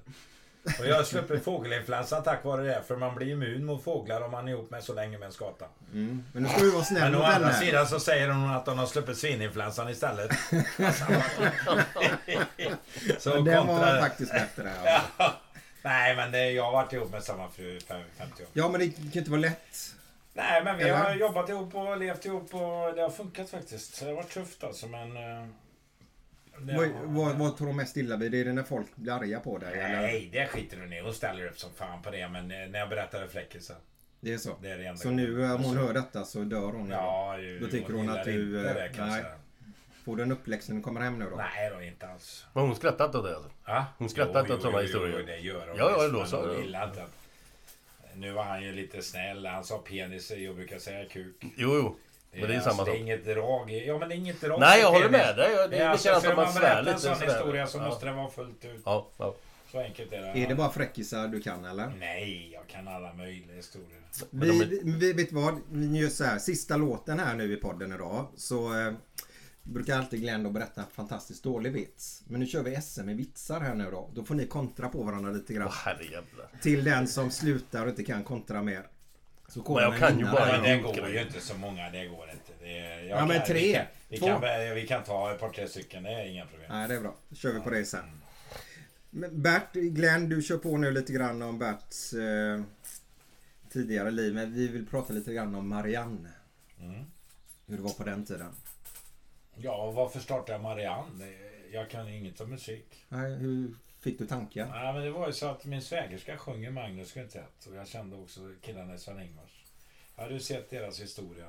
De fick en låt, plötsligt full spelplan. Och eh, jag hade ju kompisar då som spelade i band och som hade svårt att boka. Så jag började boka, men fick för dåligt betalt. Så tänkte jag, jag måste göra som dem, få en svensktoppshit. Och eh, så satte jag igång. Men jag gjorde ett misstag, jag lät dem spela själva. Och det gick ju inte. Så jag insåg att jag var tvungen att ta in de bästa musikerna. Jaha. Så 68 så tänkte jag nu, nu ska jag ta in Kjell Öhman och hans band som jag tog i för Lasse Samuelsson. Vi är på 68 nu och pratar alltså Nu är på 68. Så gjorde jag en inspelning med ett band. Och på ett, gav ut på ett skivbolag eh, som jag lånade etiketten på. Kom en färdig produktion och lämnade över bara de gav ut. Men den floppade precis. Den kom 11. Ja. Och eh, jag såg att jag var nära. Då, hade jag rest- då hade jag, drev jag också Hemköp på den tiden. Hade tre butiker. Jag var ju Sveriges yngste livsmedelshandlare. Jag var ju 21 år och hade jag 40 anställda. Men jag körde på för hårt där så jag kom i händerna på grossisten så de bestämde över mig. Mm. Så att eh, en dag så kom de och sa att eh, nu vill vi sälja den här butiken. Så jag hade inget att sätta emot för att jag hade inte lånat några pengar, ingenting. Jag hade bara levt på 5000 från min pappa från början. Mm. Byggt upp tre butiker på det.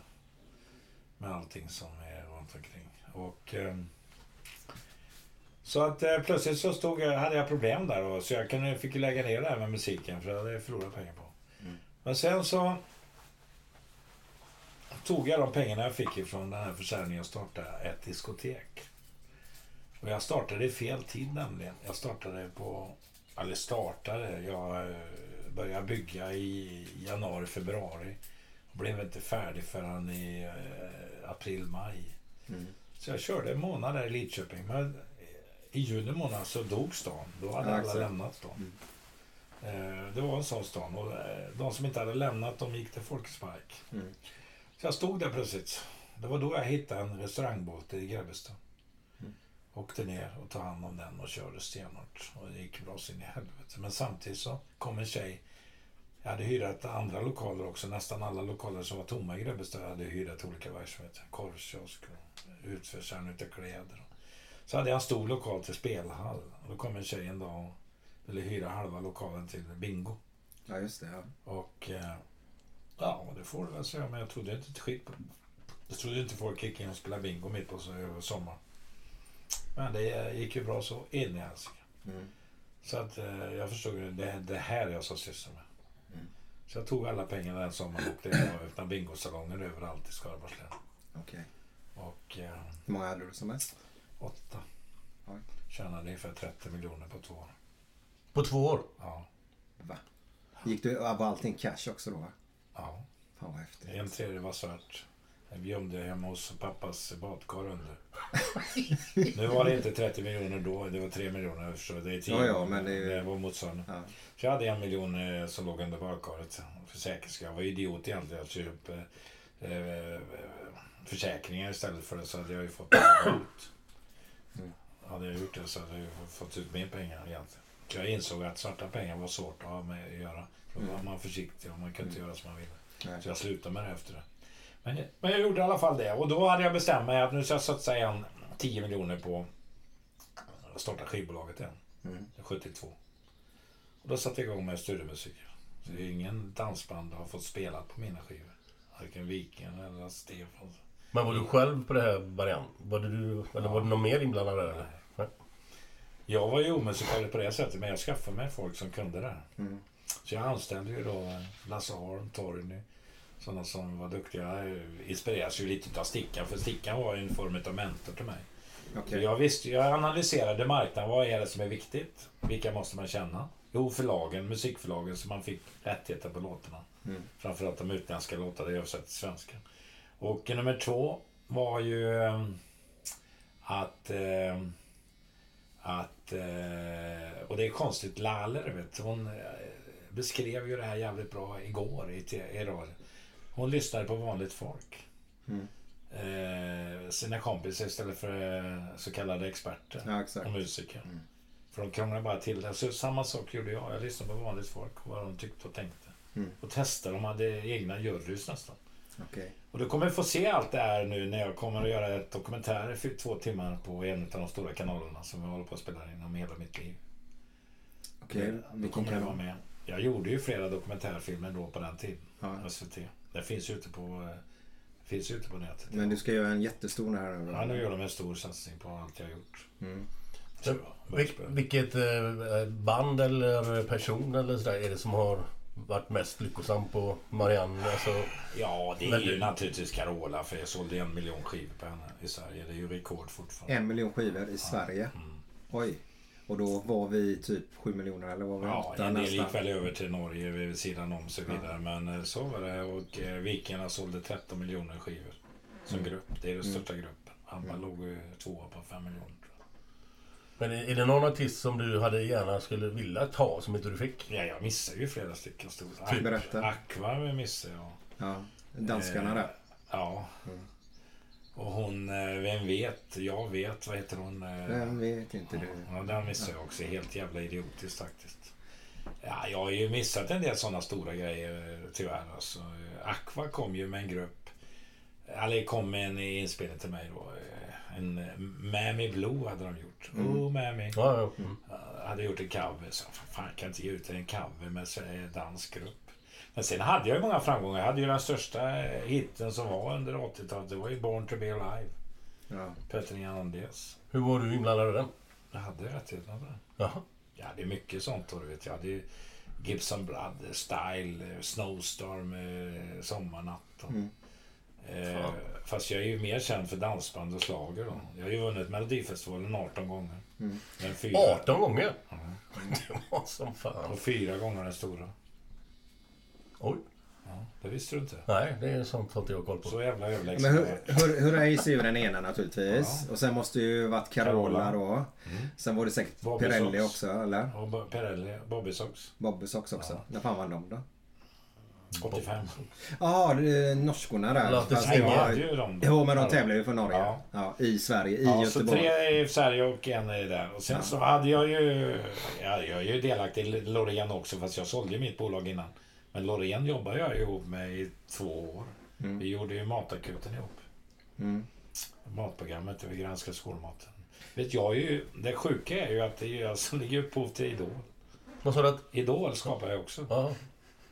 Nej men Idol kom. Ja men Fame Factory gjorde du Fame det. Factory. Det är ju ditt egna. Exakt samma. Ja. Och den kom ju tidigare Ja, än Idol. hade du bara plockat ut eh, den delen som var själva Ja. Terroristone så hade du Idol. Ja. Men då måste jag, kan vi prata lite om Fame Factory? Så 92 skrev jag den första dokusåpan i världen utan att veta om det. Ihop med Olof Svedlid, en författare. Och det var? Som hade gjort Russell-böckerna. Ja, vi gjorde, vi gjorde Fame Factory då. Fast det hette Schlagerfabriken från början. Ja men 92 den Ja, spelades men in. Ja, ja, jag 92 lyssnar. skrev vi den och försökte få in den på TV4. Ja. Var så nära att få in. Sen fick Leijonborg Var det sparken. en centimeter visan? Ja. Ja, precis. Och då... då eh, han fick ju sparken, du vet, eh, över en natt, Leijonborg, som då ville ha det. Eh, utav Kinnevik där. Och ja, då blev det ingenting. Och sen så dröjde det annars... Jag, då kom den första dokusåpan i världen, kom ju i TV4. eh, Nej, TV1. I form utav... Eh, Robinson där eller? Nej. Va? Robinson. Fångarna, Robinson. Ja. Det blev den första. Ja. Och efter det så kom hon. Jag hade ju presenterat det för den här tjejen. Eh, redan tidigt 92 där över hela mitt koncept. Yes. Men hon kom tillbaka och eh, ville göra en variant utav det. Ja. Då blev det Friends på turné. Okej. Ja. Och de, eh, kriteriet var att de skulle starta i en garage och sen skulle vinna Melodifestivalen. Ja. Och det gjorde de. ja, det gjorde han faktiskt. Alltså bara stoppa. Nu ska han bort och rita på snickaren. Också snickaren, din jävla... Alltså, Henke, går det bra eller? Den stackaren är inte vatten värd nu. Han, han skäller ut alla här uppe.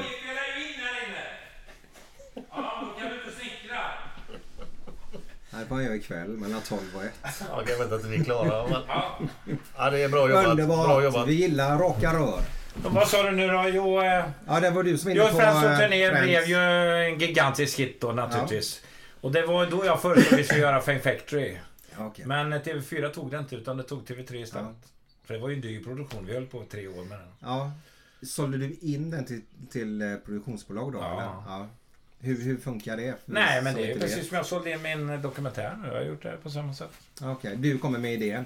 Ja. Och så Jag ska har de ju köpa haft då. hur många TV-program som helst. Mm. En del har jag fått igenom, andra inte. Men du, du Köksväggen till stjärnorna var ett som jag gjorde. Ja. Eh, Kanske knappt någon vet om. Det var kända personer som fick göra mat. ja, men Med Körberg och så vidare. 80-tal nu. Ja. Tillbaka. Du hade ju när jag sa så fort Kristina Lund kommer upp på tapeten så stänger Ja. jag av, sa jag. Mm. Och du har tydligen gjort ett tv-program med henne här. Glenn, du får... Ja, men jag läste någonstans att Joel Donner, Kristina Lund Och jag. och du hade Ja. någonting som heter Oförutsett. Oförutsett. Det var fantastiskt. Som bara gick i sex avsnitt. Nej. Jo men det stod det på... men det var jag läste in i alla Ja, fall. berätta. Men vad hände där då? Åtta eller tio. Nej, men det var ingenting. Vi gjorde 8-10 sekunder. Och vad handlar det om? Nej, men Sex det var ju vansinniga jävla program alltså. Ja, vi skulle avslöja olika grejer. Det var då jag avslöjade Hagge Geigert, han fuskade i golf. Han blev ovän med mig för livet ett tag där, men det, gick över sen innan han dog. Då är vi sams igen. Han fuskar ju alltid i golf. Fuskar? Hur fan kan Han man... la Liksom... alltid fram bollen och Ja. flytta bollen. Och det hade jag fått reda på inside. Och det blev ett jävla liv efter det. Men det Film, filmade det då? Ja. Filmade det? Det är när han fuskar eller vadå? Nej, men han hade ju blivit diskad i tävlingar så att det fanns ju papper på det. Okej.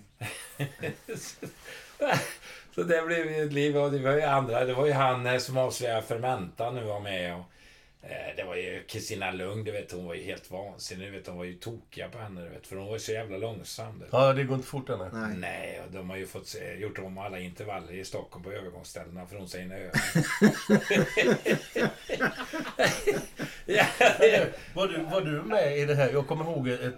Jag bara, ser det framför mig här med Joel Donner när de satt och kröka. Ja, det var det. Innan var det det? Nej, det var det programmet. Var det det programmet? Nej, det Men vet jag. satt och söp och blev och fullare och fullare och liksom... Nej, det var inte det programmet. Ja, för det var något annat då? Och det roliga var att jag träffade John Dahmer. Han var hos mig i två dagar. Eh, Han skrev en ny bok. Så jag är med i hans nya bok faktiskt. Okej. Han är ju emot rökning nu, du vet. Han röker som en borstbindare och nu är han ju emot eh, prostatacancer.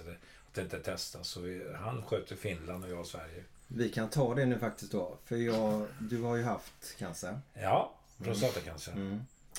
Jag försökte rädda många mår då. Kurtan Ja. försökte jag rädda. Eh, han eh, Röda klänningen, han eh, rocksångaren i Göteborg. Mm. Totta Näslund försökte jag också rädda. Men nu vågar inte gå till doktorn.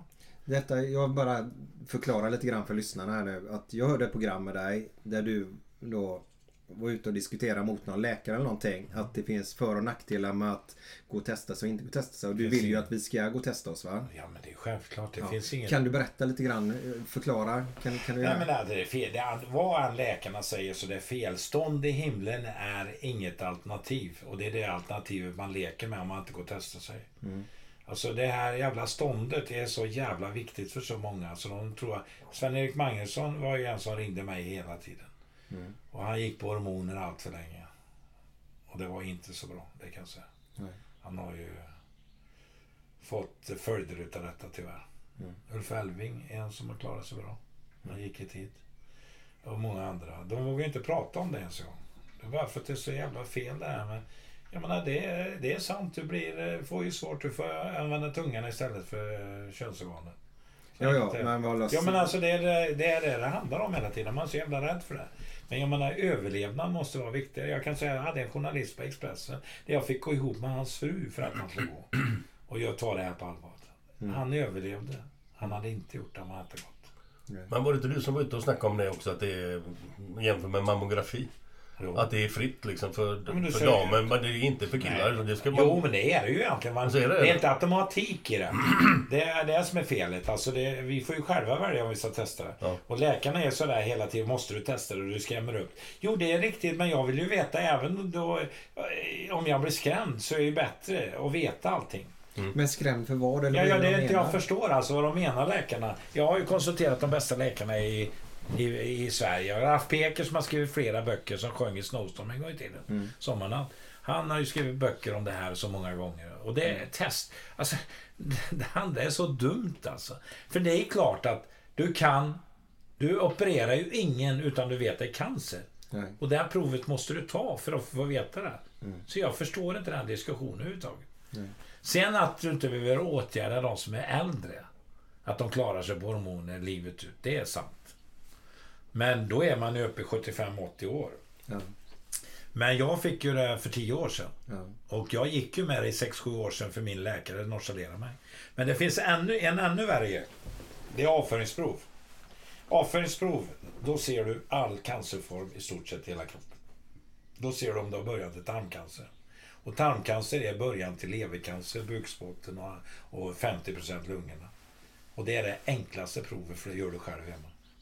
Jag har räddat så många liv på detta som jag har fått eh, vykort efteråt. Så jag, jag gick och testade och jag var precis i slutändan och klarade mig. För du får spridning ifrån eh, levercan- eller eh, tarmcancer. Den går upp i levern först och främst. Okej. Och det kan du undvika om du ser det i tid. Men vad gör man? Man skiter i en burk och så lämnar man in det, eller vad gör man? Nej, du, tre klickar bajs lämnar du in. Du gör det på en bricka så vid tre tillfällen. Det enda du behöver göra. Och då får du reda på om du har början till tarmcancer. Hur man går man in till läkaren och gör detta? Du går inte där. Nej, nej, nej. Det gör du hemma. Du Men får vadå, en påse. det på en- Du får en påse med det hem. Om man, man går till läkaren och får en påse? En påse och sen fyller du tre klickar och lämnar in. Och då ser du om du har början till tarmcancer. Och tarmcancer är ofarligt i första skedet. Men är livsavgörande i nästa skede. När det börjar blöda.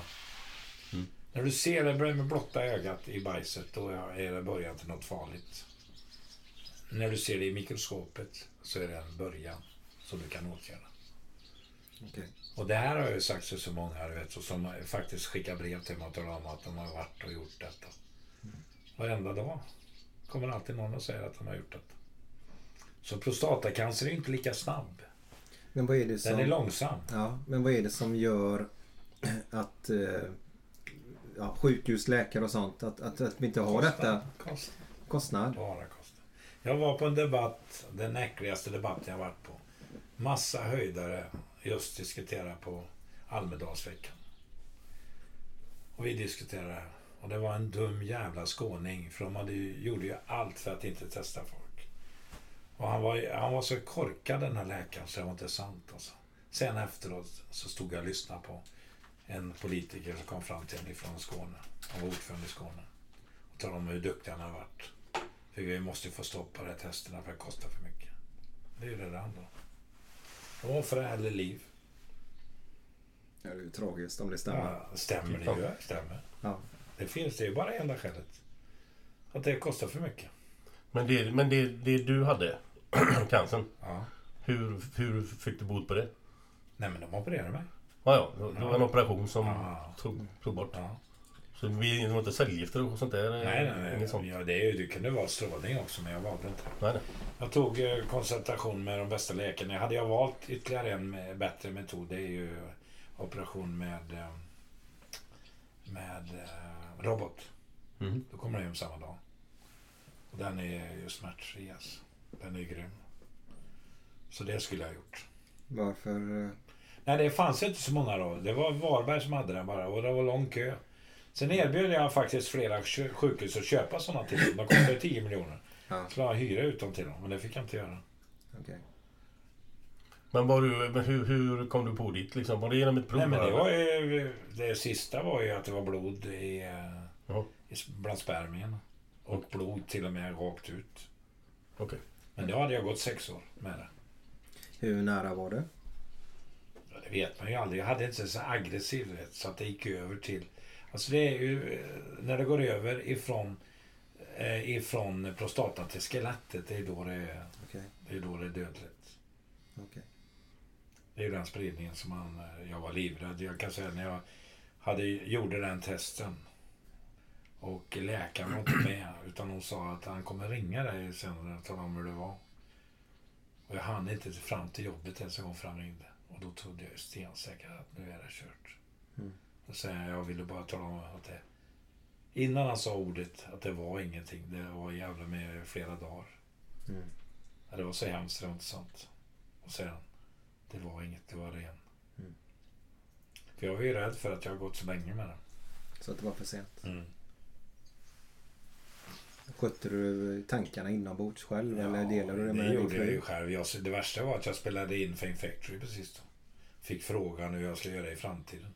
Det var ingen lätt så- svar. Nej. Innan jag visste svaret. Jag opererade mig under samtidigt som jag spelade in det programmet. Okej. Sista. Var det många som visste om det?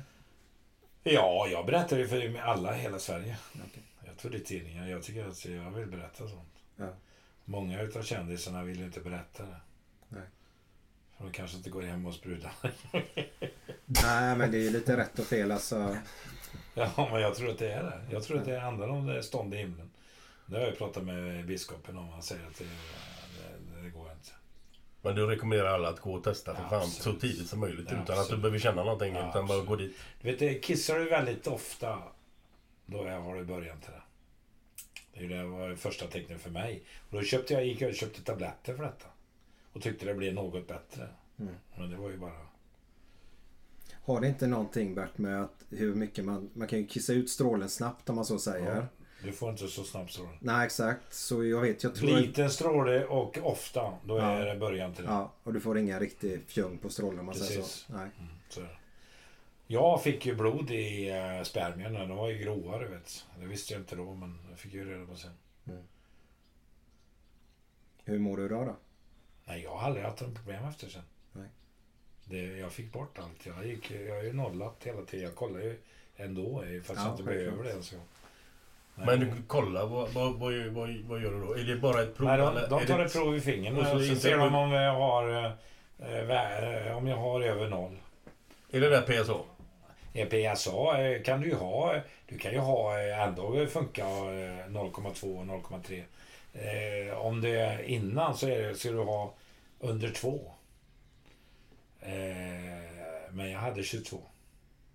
Det var ju grymt mycket. Okej. Första gången jag fick ju se mina journaler, då hade jag haft 7 och så vidare. Så den jävla läkaren han nonchalerade och jag hängde ut han sen. Ja. Han ville ju inte svara på telefon så jag gick ju ner med journalisterna och pekade ut den där på plats. Han där Okej. så tog de snabbt en bild. Så, så du hade alltså höga värden utan att han bara sket i det? Ja, sju och så vidare.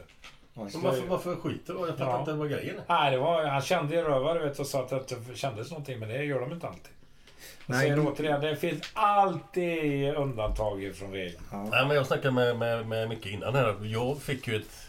De har tjatat på mig i många år och går och kollade bara. Ja. Men jag har aldrig gjort det för man tror man är ju kärnfrisk. Mm. Men så gick jag dit och så sa han, ja, du vet vad det här innebär? Så han läkaren. Ja, fan det är ett stick i fingret, det är lugnt. Men det var ju inte bara det utan då, fick jag, ju- då var jag uppe och rotade i tio Ja. sekunder och Ja. kände och... Ja. Men det är det man ska göra. Så Ja. det, det där med prov Men bara, nästa- det räcker ju inte. Nej, det räcker inte. Nej. Det, är, måste det, är bara, det är en indikation på att något är Ja, fel. ja. Ingenting annat. Du behöver inte ha cancer. Nej. Du kan ha något annat. Mm. Men du får reda på det. Mm. Och nästa skede är ju att de stoppar in eh, ja, tio stick i, i, eh, i, i prostatan. Tio stick va? Stick Vadå? med... boll- Ja, de tar prover. Jaha, för han var ute Och det är jävla tufft alltså. Det kan jag säga. Aj, För det enda han gjorde var ute och... Ja, ja, men det, jag. det är första skedet. kände lite. Det är första skedet. I nästa skede är att ta ta de här proverna, ta ett stickprov. Men eh, min granne klarade eh, en gång på detta och eh, de påstod att han var frisk. Och eh, han blev bara sämre och sämre så jag ringde till mina kontakter på Sahlgrenska så jag fick komma in direkt. Ja, han hade ju. De hade missat i stickorna. Du kan ju, du kan ju inte ha med sig här, du vet. Och inte nå den. Åh, fy fan. Ja, så det är inte roligt. Hur, men eh, du, du sa, bara en sista fråga om det. Eh, vad vad du kallar det? Något operation, eh, dataoperation eller vad sa du? Nej, robot. Robot. Robot, är ju det bästa. Det, Ja, ju, men det vad- har man nu ofta på ställena. Det är robot som gör operationen ja, då eller? Ja, de gör det på nolltid. Vet du. Det tar ingen tid alls. Men du sa att då kan man komma hem med samma dag och må bättre. Men hur var din operation? Ja, det var fem dagar. Fem dagar. Kan Ja. du på berätta lite? Ja, det var fem dagar som jag låg där inne. Sen eh, var det ju kanske en vecka. Det var, så jag fick ordning på eh, och kissa normalt sett. Okej. Det var eh, lite jobbigt alltså. Men eh, Mm. den andra operationen är ju fruktansvärt bra. Mm. Det, det är ingenting. Du bara sticker in den där datorn och kör. Och sen så... Eh, det är fantastiskt. Ja. Så jag var ju beredd att köpa det, Mm. eh, en sån här till Jönköping bland annat. Ja. För min läkare som var i Skövde då, som opererade mig. Han skulle flytta till Jönköping. Så ringde jag och frågade kan inte du hjälpa till med finansiering? Jo, jag köper en så får de hyra den utav mig. Den kostar 10 miljoner. Så hade de fått betala. Nej, det kunde de inte göra. Nej. Absurt. Mm. Och så fungerar sjukvården igen. Mm. Nej, så jag har ju stridit som fan emot detta. Vet. Överhuvudtaget att man inte testar folk ordentligt. Det skulle ingå i den allmänna testen. Och det är ju när du köper företagsförsäkringar. Det ingår ju inte ens det. Det får du säga till dem. Okej. Mm. Men har, jag- har, har jag rätt som person nu? Komma hem till eh, Göteborg Du kan och, eh, och, kräva det. och kräva detta? Absolut.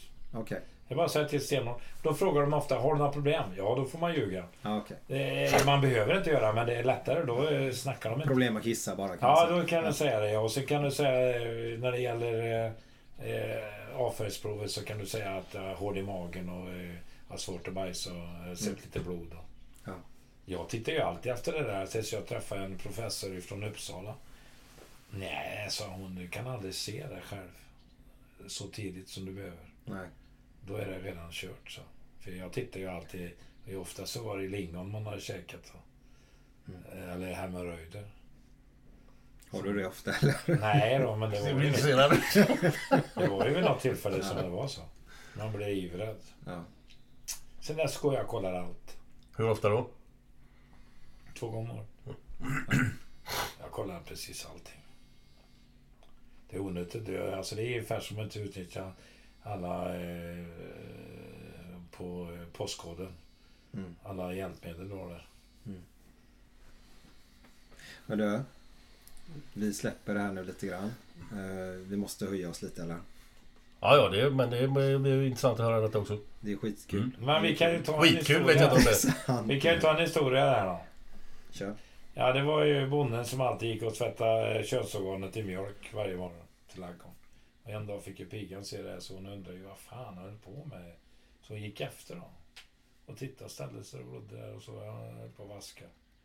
Han fick ju se henne, du vet, så han blev ju förbannad på henne. Har du aldrig sett en sån här förut? sa han till tjej- pigan.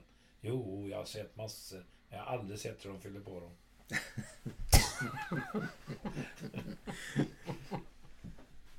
Sen kan vi ta en eh, Värmlandsraggare som var ute och körde. Den tycker jag är väldigt bra. Var, han var ute och körde du vet, och fick ju se en blondin. Och var, han stannade, ju- raggarna stannade ju alltid för vara blondin. Så han eh, tryckte på sin knapp över amerikanen där och rutan åkte ner och hon tittade in. Men fort som fan så tryckte han på knappen igen så, så han fick henne att fastna. Och tänkte gå och sätta på henne bakifrån. Men innan han skulle sätta på henne bakifrån så ville han ju vara lite trevlig. Så han sa ju att du, eh, vi raggar har våra knep. Och då svarade blondinen. Det har vi bögar också.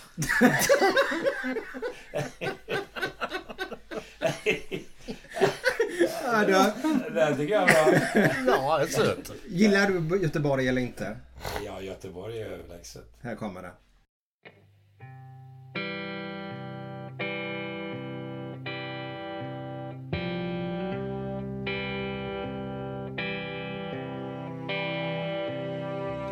Fem på morgonen i New York City går en man i en sliten gammal hatt.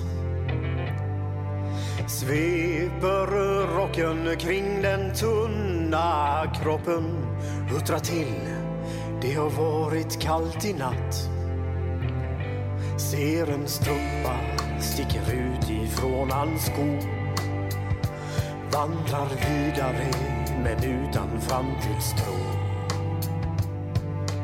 Fem på morgonen i Hallonbergen står en kvinna med gråten i sin hals. Tittar håglöst in i morgonsolen. Hon är trött, hon har inte sovit alls. Två av fem miljarder människor på vårt klot. Men mot deras ångest finns det ingen bot.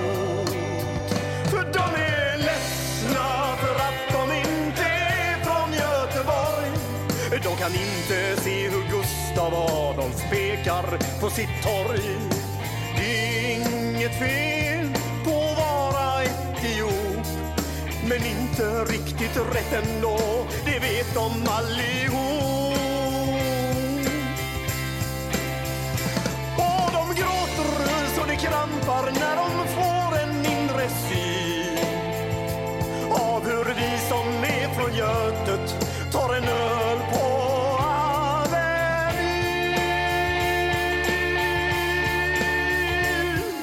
En fotbollskille får sitt genombrott och snackar proffskontakt med fem italienska klubbar. Ändå känner han att tåget har gått. En annan gubbe med en ollontusing och en latextjuva skriker ta mig ur röven gubbar. Men det ger honom inte nåt. Samma tomma blick och tårar salta smak. Om man frågar säger båda samma sak. De är ledsna för att de inte är från Göteborg. Nu är vi tillbaka här igen då efter låten. Eh, Bert, eh, är du fortfarande inom eh, musikbranschen? Nej, jag sålde mitt bolag för tio år sedan till Warner. Okej. Men jag är visserligen anställd som konsult där.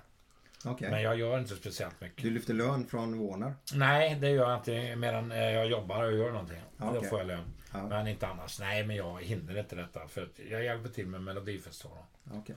Och det dominerar ju. Det. Jag sålde ju mitt bolag som då hade Melodifestivalen. Mm. Och vi har haft den varje år och ger ut den skivan. Okej. Sen dess. Mm. Så de tog över den så att säga från mig. Hur Så- stor var du i Sverige när du var som störst på musikbranschen? Ja, som mest hade vi 35 procent av marknaden.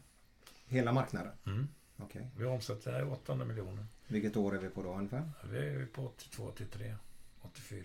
Okej. Ja, du vet, alltså det var ju så fruktansvärt. När vi sålde in till butikerna så sålde vi pall.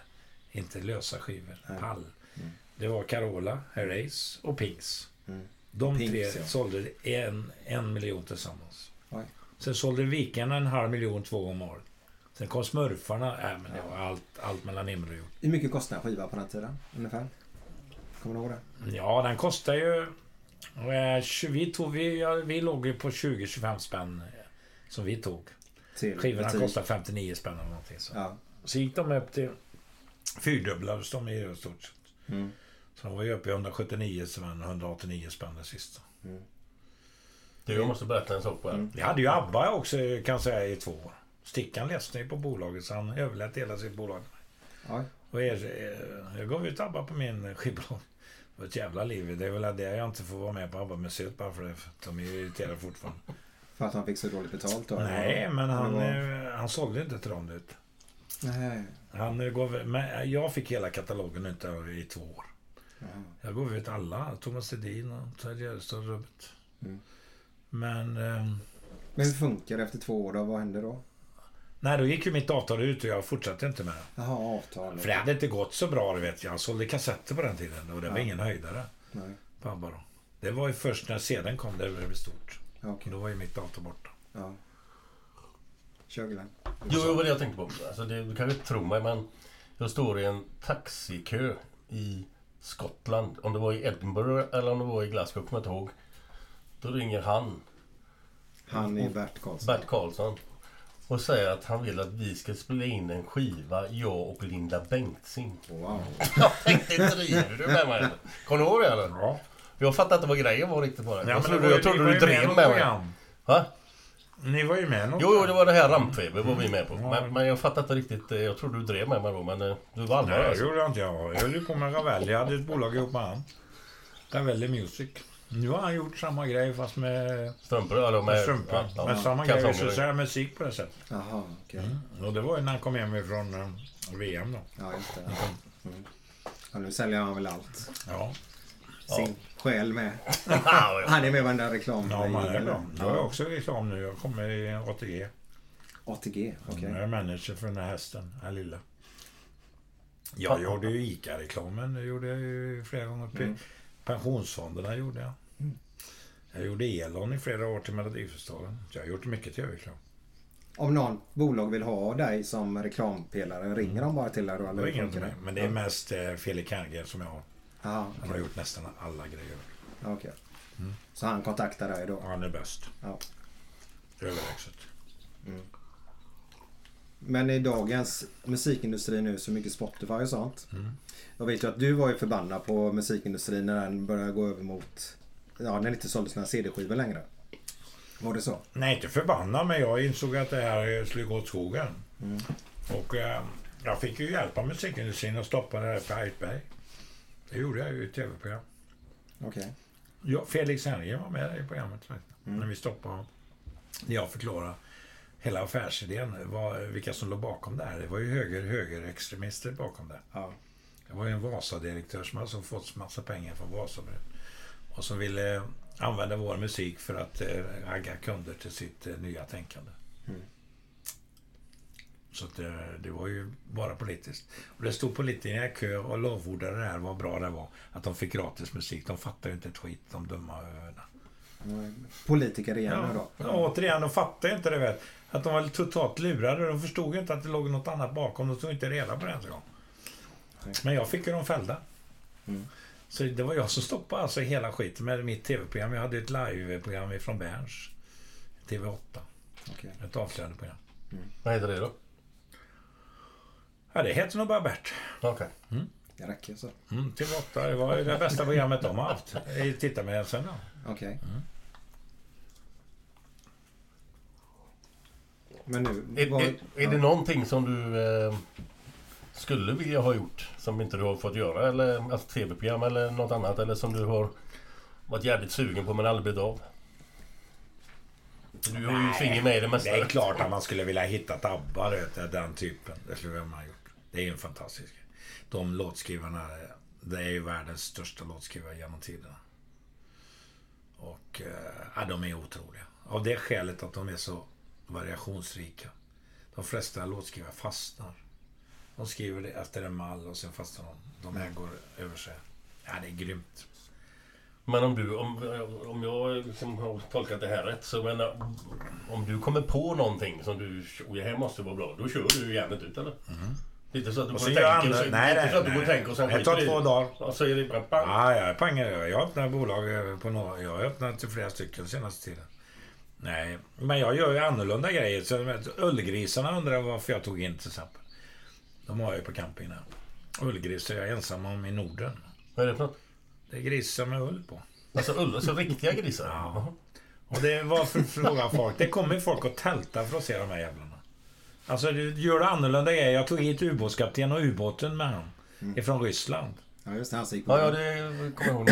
Ja, jag tog hit han och han jobbade åt mig en sommar. Och eh, jag tog hit the Eagle, han backhoppade. Jajamän. Jag Ja, spelade in en skiva till och med. Jag tog hit Vargtass från Amerika till McCann-serien. Och jobbade i ett år i Folkparken. Men hur får du hit dem? Ja, Hur gör du? Faxa. Och Faxa? likadant, jag letade efter... Jag var i Los Angeles och letade efter det här jävla M-fartyget. Alltså eh, eh, den där serien, du vet. Eh, rymdserien. Ja, V. V heter den. Ja. Mm. det var jag också letat efter. Det. Jag trodde det var stort det där. Så jag var ju på deras lager. Filmbolagets lager i Los Angeles. Ja, vi hittade det, men det var inte så stort. Det var det. lite större än det. Ja, ja. Så Är det- kommer du på något så blir det gjort alltså? Ja, ja, men sen så går jag ju på grejer som jag inte borde göra. Alltså, jag har ju förlorat mycket pengar också. Mm. Men, eh, Vilken är din sämsta, sämsta, Ja, sämsta? sämsta affär var väl eh, Fame eh, när jag skulle göra om köpstaden igen till Ja. någonting som jag låg för fel i tiden. Mm. Jag skulle göra köpcenter till tre stycken stora aktörer. Sportshoppen ifrån Grebbestad. Som idag har gjort det i Grebbestad på det sättet som jag vill göra. Nöje och handel. Eh, jag skulle ha eh, de här eh, som säljer på NetOnNet. Och jag skulle ha de här som säljer kläder som är från Ulricehamn. Som är idag har 15 butiker, 20 butiker. Eh, så- lager 157. Mm. De tre skulle jag ha i hälften utav lokalen. Resten så var nöjesbaserat. Mm. Det var bara att jag fick in nöjet och så gick inte det. Och då kom inte de andra. Nej. Det var fel. Det är det största misstaget jag har gjort. Mm. Jag ha haft butikerna först och sen andra. Mm. Men jag var så inne på det här visionen, du vet, så jag sker. Ja, det ordnar sig. Ja, du är även med på det här lite, den här borgen, vad heter den? Arn eller vad fan? Ja, det var jag ju med, du vet, fast jag eh, sa att det här går ju inte. Men sen hade jag en billig lösning, trodde jag. Men felet var ju att kommunen var ju för, för bra egentligen, så de behövde inte bygglov eller någonting, tyckte de. Nej. Då fick de överklagningar och så fick eh, vi, vi problem med det. Vi fick inte in till exempel några krögare. För att det var ingen som vågade gå in i någonting som var eh, inte godkänt. Nej. Och då föll alltihopa. Och det, var, det var den bästa kommunen jag varit i. Mm. Tyvärr så eh, gick det åt skogen för dem, men de ville någonting. Men Skara Sommarland är du fortfarande... Nej, det vet jag inte. Nej, du är inte med alls. ifrån. Du är inte med alls. Men jag har ju samarbete med dem. Ja. Absolut. Jag tycker det är jätteroligt att det finns. När byggde du upp det? Sommarland? Ja. 82. 82. 83. 83 efter Carola. ja. Hade du pengar till det då eller gick du till banken? Tjej, eller? Gud, jag hade så mycket pengar så jag, bara Carola gav väl 100 miljoner. Det är så pass? Ja, för fan. Du vet, jag tjänar ju så fruktansvärt mycket pengar. Så jag har gjort det periodiskt. Ja. Nu tjänar jag fruktansvärt mycket pengar. Mm. Och det är skönt. Så kan jag göra Ja, jag vill. det är skönt ja. Ja men är det pengarna? Det, Nej, det kan nej, ju inte vara nej, pengarna nej. som driver dig bara. Nej, nej, nej. Det kan du inte vara. Ja, att jag inte behöver jobba. Nej. Nej, nej. Jag tycker om att göra grejer. Ja. Jag startade eh, konstgalleri och jag har gjort allt. Du vet. Konstgalleriet hade jag ju bara de bästa. Cheyenne och Tobias och Vart låg det? Dali, Skara. Skara? La jag ner det så sålde jag en del genom, eh, genom eh, Knut där. Knut, han som är... Ja just det, han på eh, Han, han fick ju se dem i min garderob, du vet. Det låg tavlor för 500 000. Mm. Eh, matta till exempel, original. Han var helt chockad. Har du, har, du, har du fått någon uppskattning av Skara som Nej. kommun någon gång för allting du har satt dem på världskartan alltså?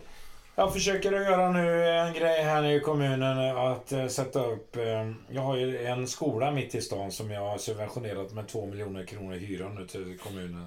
Musikskola. Och eh, på fasaden där, för jag har ju restaurang också hyra utav mig.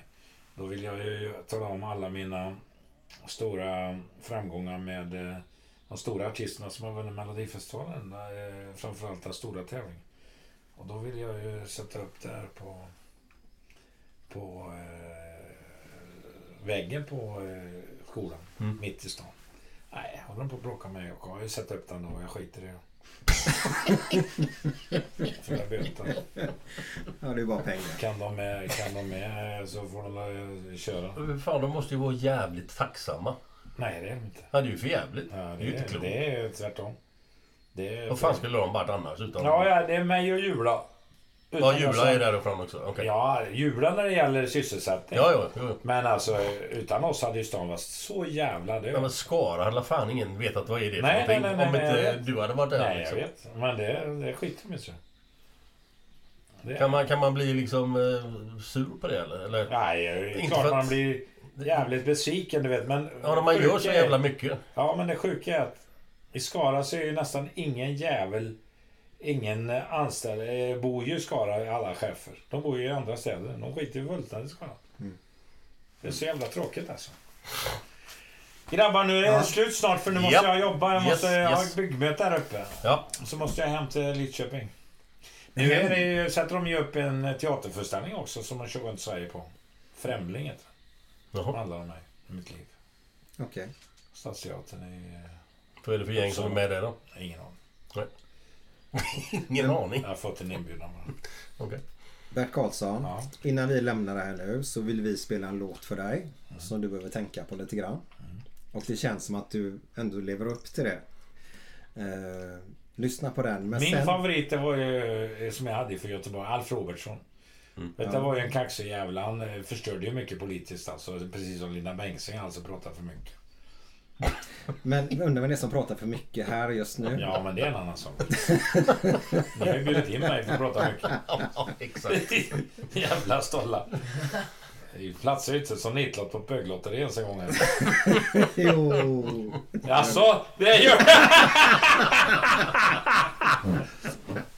Du vet, jag brukar säga det till raggarna när de är lite hotfulla, du vet. Så säger man till raggarna, du vet, eh, fan ni platsar ju inte som nitlott på böglotteri. Och hinner man ju sticka för det tar en kvart innan de har fattat om det är bra.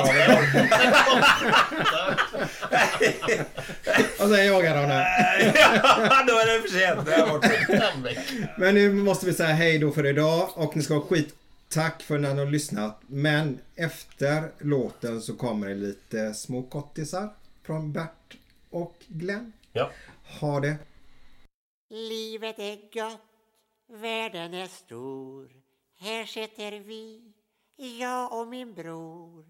Fisken i sjön sover nog nu. Den är nog trött, eller vad tror du? Det ska vara gott att leva, annars kan det kvitta. Fint att leva, annars kan det kvitta. Lätt att leva, annars kan det kvitta. Springer det runt och vela, då sabbar du det hela. Springer det runt och veva, det ska vara gött, gött, gött, gött. Och leva. När vi sitter inte i Paris på ett café Inte på en nattklubb eller bar i Saint-Tropez Och vi springer inte runt i Thailand och letar Vi sitter bara här och metar Det ska vara gött att leva Annars kan det kvitta Fint att leva Annars kan det kvitta. Lätt att leva Annars kan det kvitta. Spring inte runt och vila Då sabbar du det hela. Spring inte runt och veva Det ska vara gött, gött, gött, gött Och leva. Livet är gott Världen är stor. Här sitter vi jag och min bror. Fisken i sjön Sover nog nu. Den är nog trött. Eller vad tror du?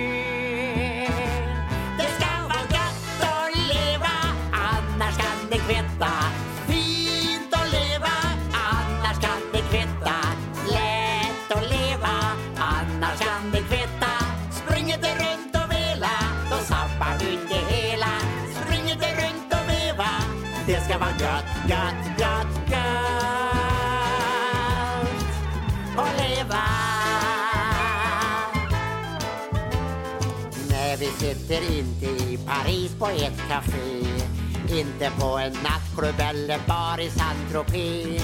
Och vi springer inte runt i Thailand och letar. Vi sitter bara här och metar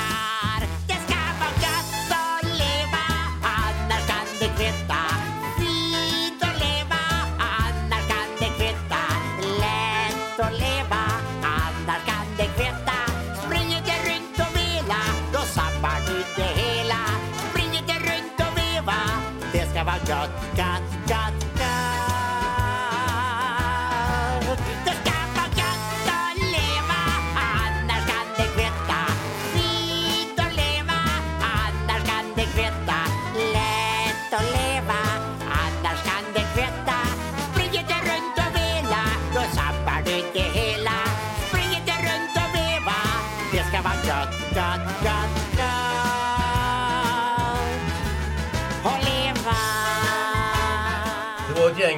spermier som simmade upp mot ägget. Och så låg det en stor fet jävel längst fram. Liksom. Så, så, helt plötsligt så vände han sig om och sa Stopp kamrater! Vi har blivit lurade! Vi står till knäna i skit! Det var inte så jävla roligt. Det är ju många som jämför spermier med stockholmare. Ja, Det ja, är ja. jävligt gott om dem, men eh, få utav dem som blir riktigt bra. Den här tycker jag är söt också. Det var en bonde som fick en ny granne. Så var han ute och plöjde åkern en dag. Och så lämnade han två fyrkanter. Och så kommer grannen ut och frågar vad fan, varför lämnar du den fyrkanten här? Ja, det hade jag min första kärleksupplevelse. Jaha, fan. Och, och där då, den andra fyrkanten. Ja, där stod hennes mamma och såg på. Och fan, vad sa hon då? Nej, det var inte så jävla bra alltså. Det var det faktiskt inte. Då är ju min bättre här. Det var Nudiststrand. De kom fel familjen. Och pappa fick ju jäkla problem direkt alltså. För poj, lillepojken frågade varför det var så olika storlekar på kukarna. Och direkt så, så fick ju pappa dra till med en lögn. Så han sa att ja, de stora du vet, är de rika och de små är de fattiga. Och på eftermiddagen så gick han ut och badade och det dröjde inte med en kvart så kom pojken efter skri- gallskrik. Pappa, pappa, det sitter en gubbe med mamma. Han blir bara rikare och rikare. det här tycker jag är bra. Det, det, det satt en dvärg i en bastu. Så kom det in en stor mörk kille. Och presenterade sig. Tony Brown sa han. Och dvärgen svimmade av. Så han tar ju dvärgen och bär ut han i, i duschen. Iskallt vatten och dvärgen kom till. Och, vad fan hände? Vad hände? Vad hände? Jag kom in och presenterade mig som Tony Brown. Och så svimmar du bara. Och herrejävlar, så han tyckte du sa turn around. Ja, ja, eh, vi ska se vad hade jag. Höjden utav storhetsvansinne, det vet du vad det är. Det är när en mygga simmar eh, ryggsim i Göta kanal med ståfräs och ropar Öppna portarna! Då är man stor i korken.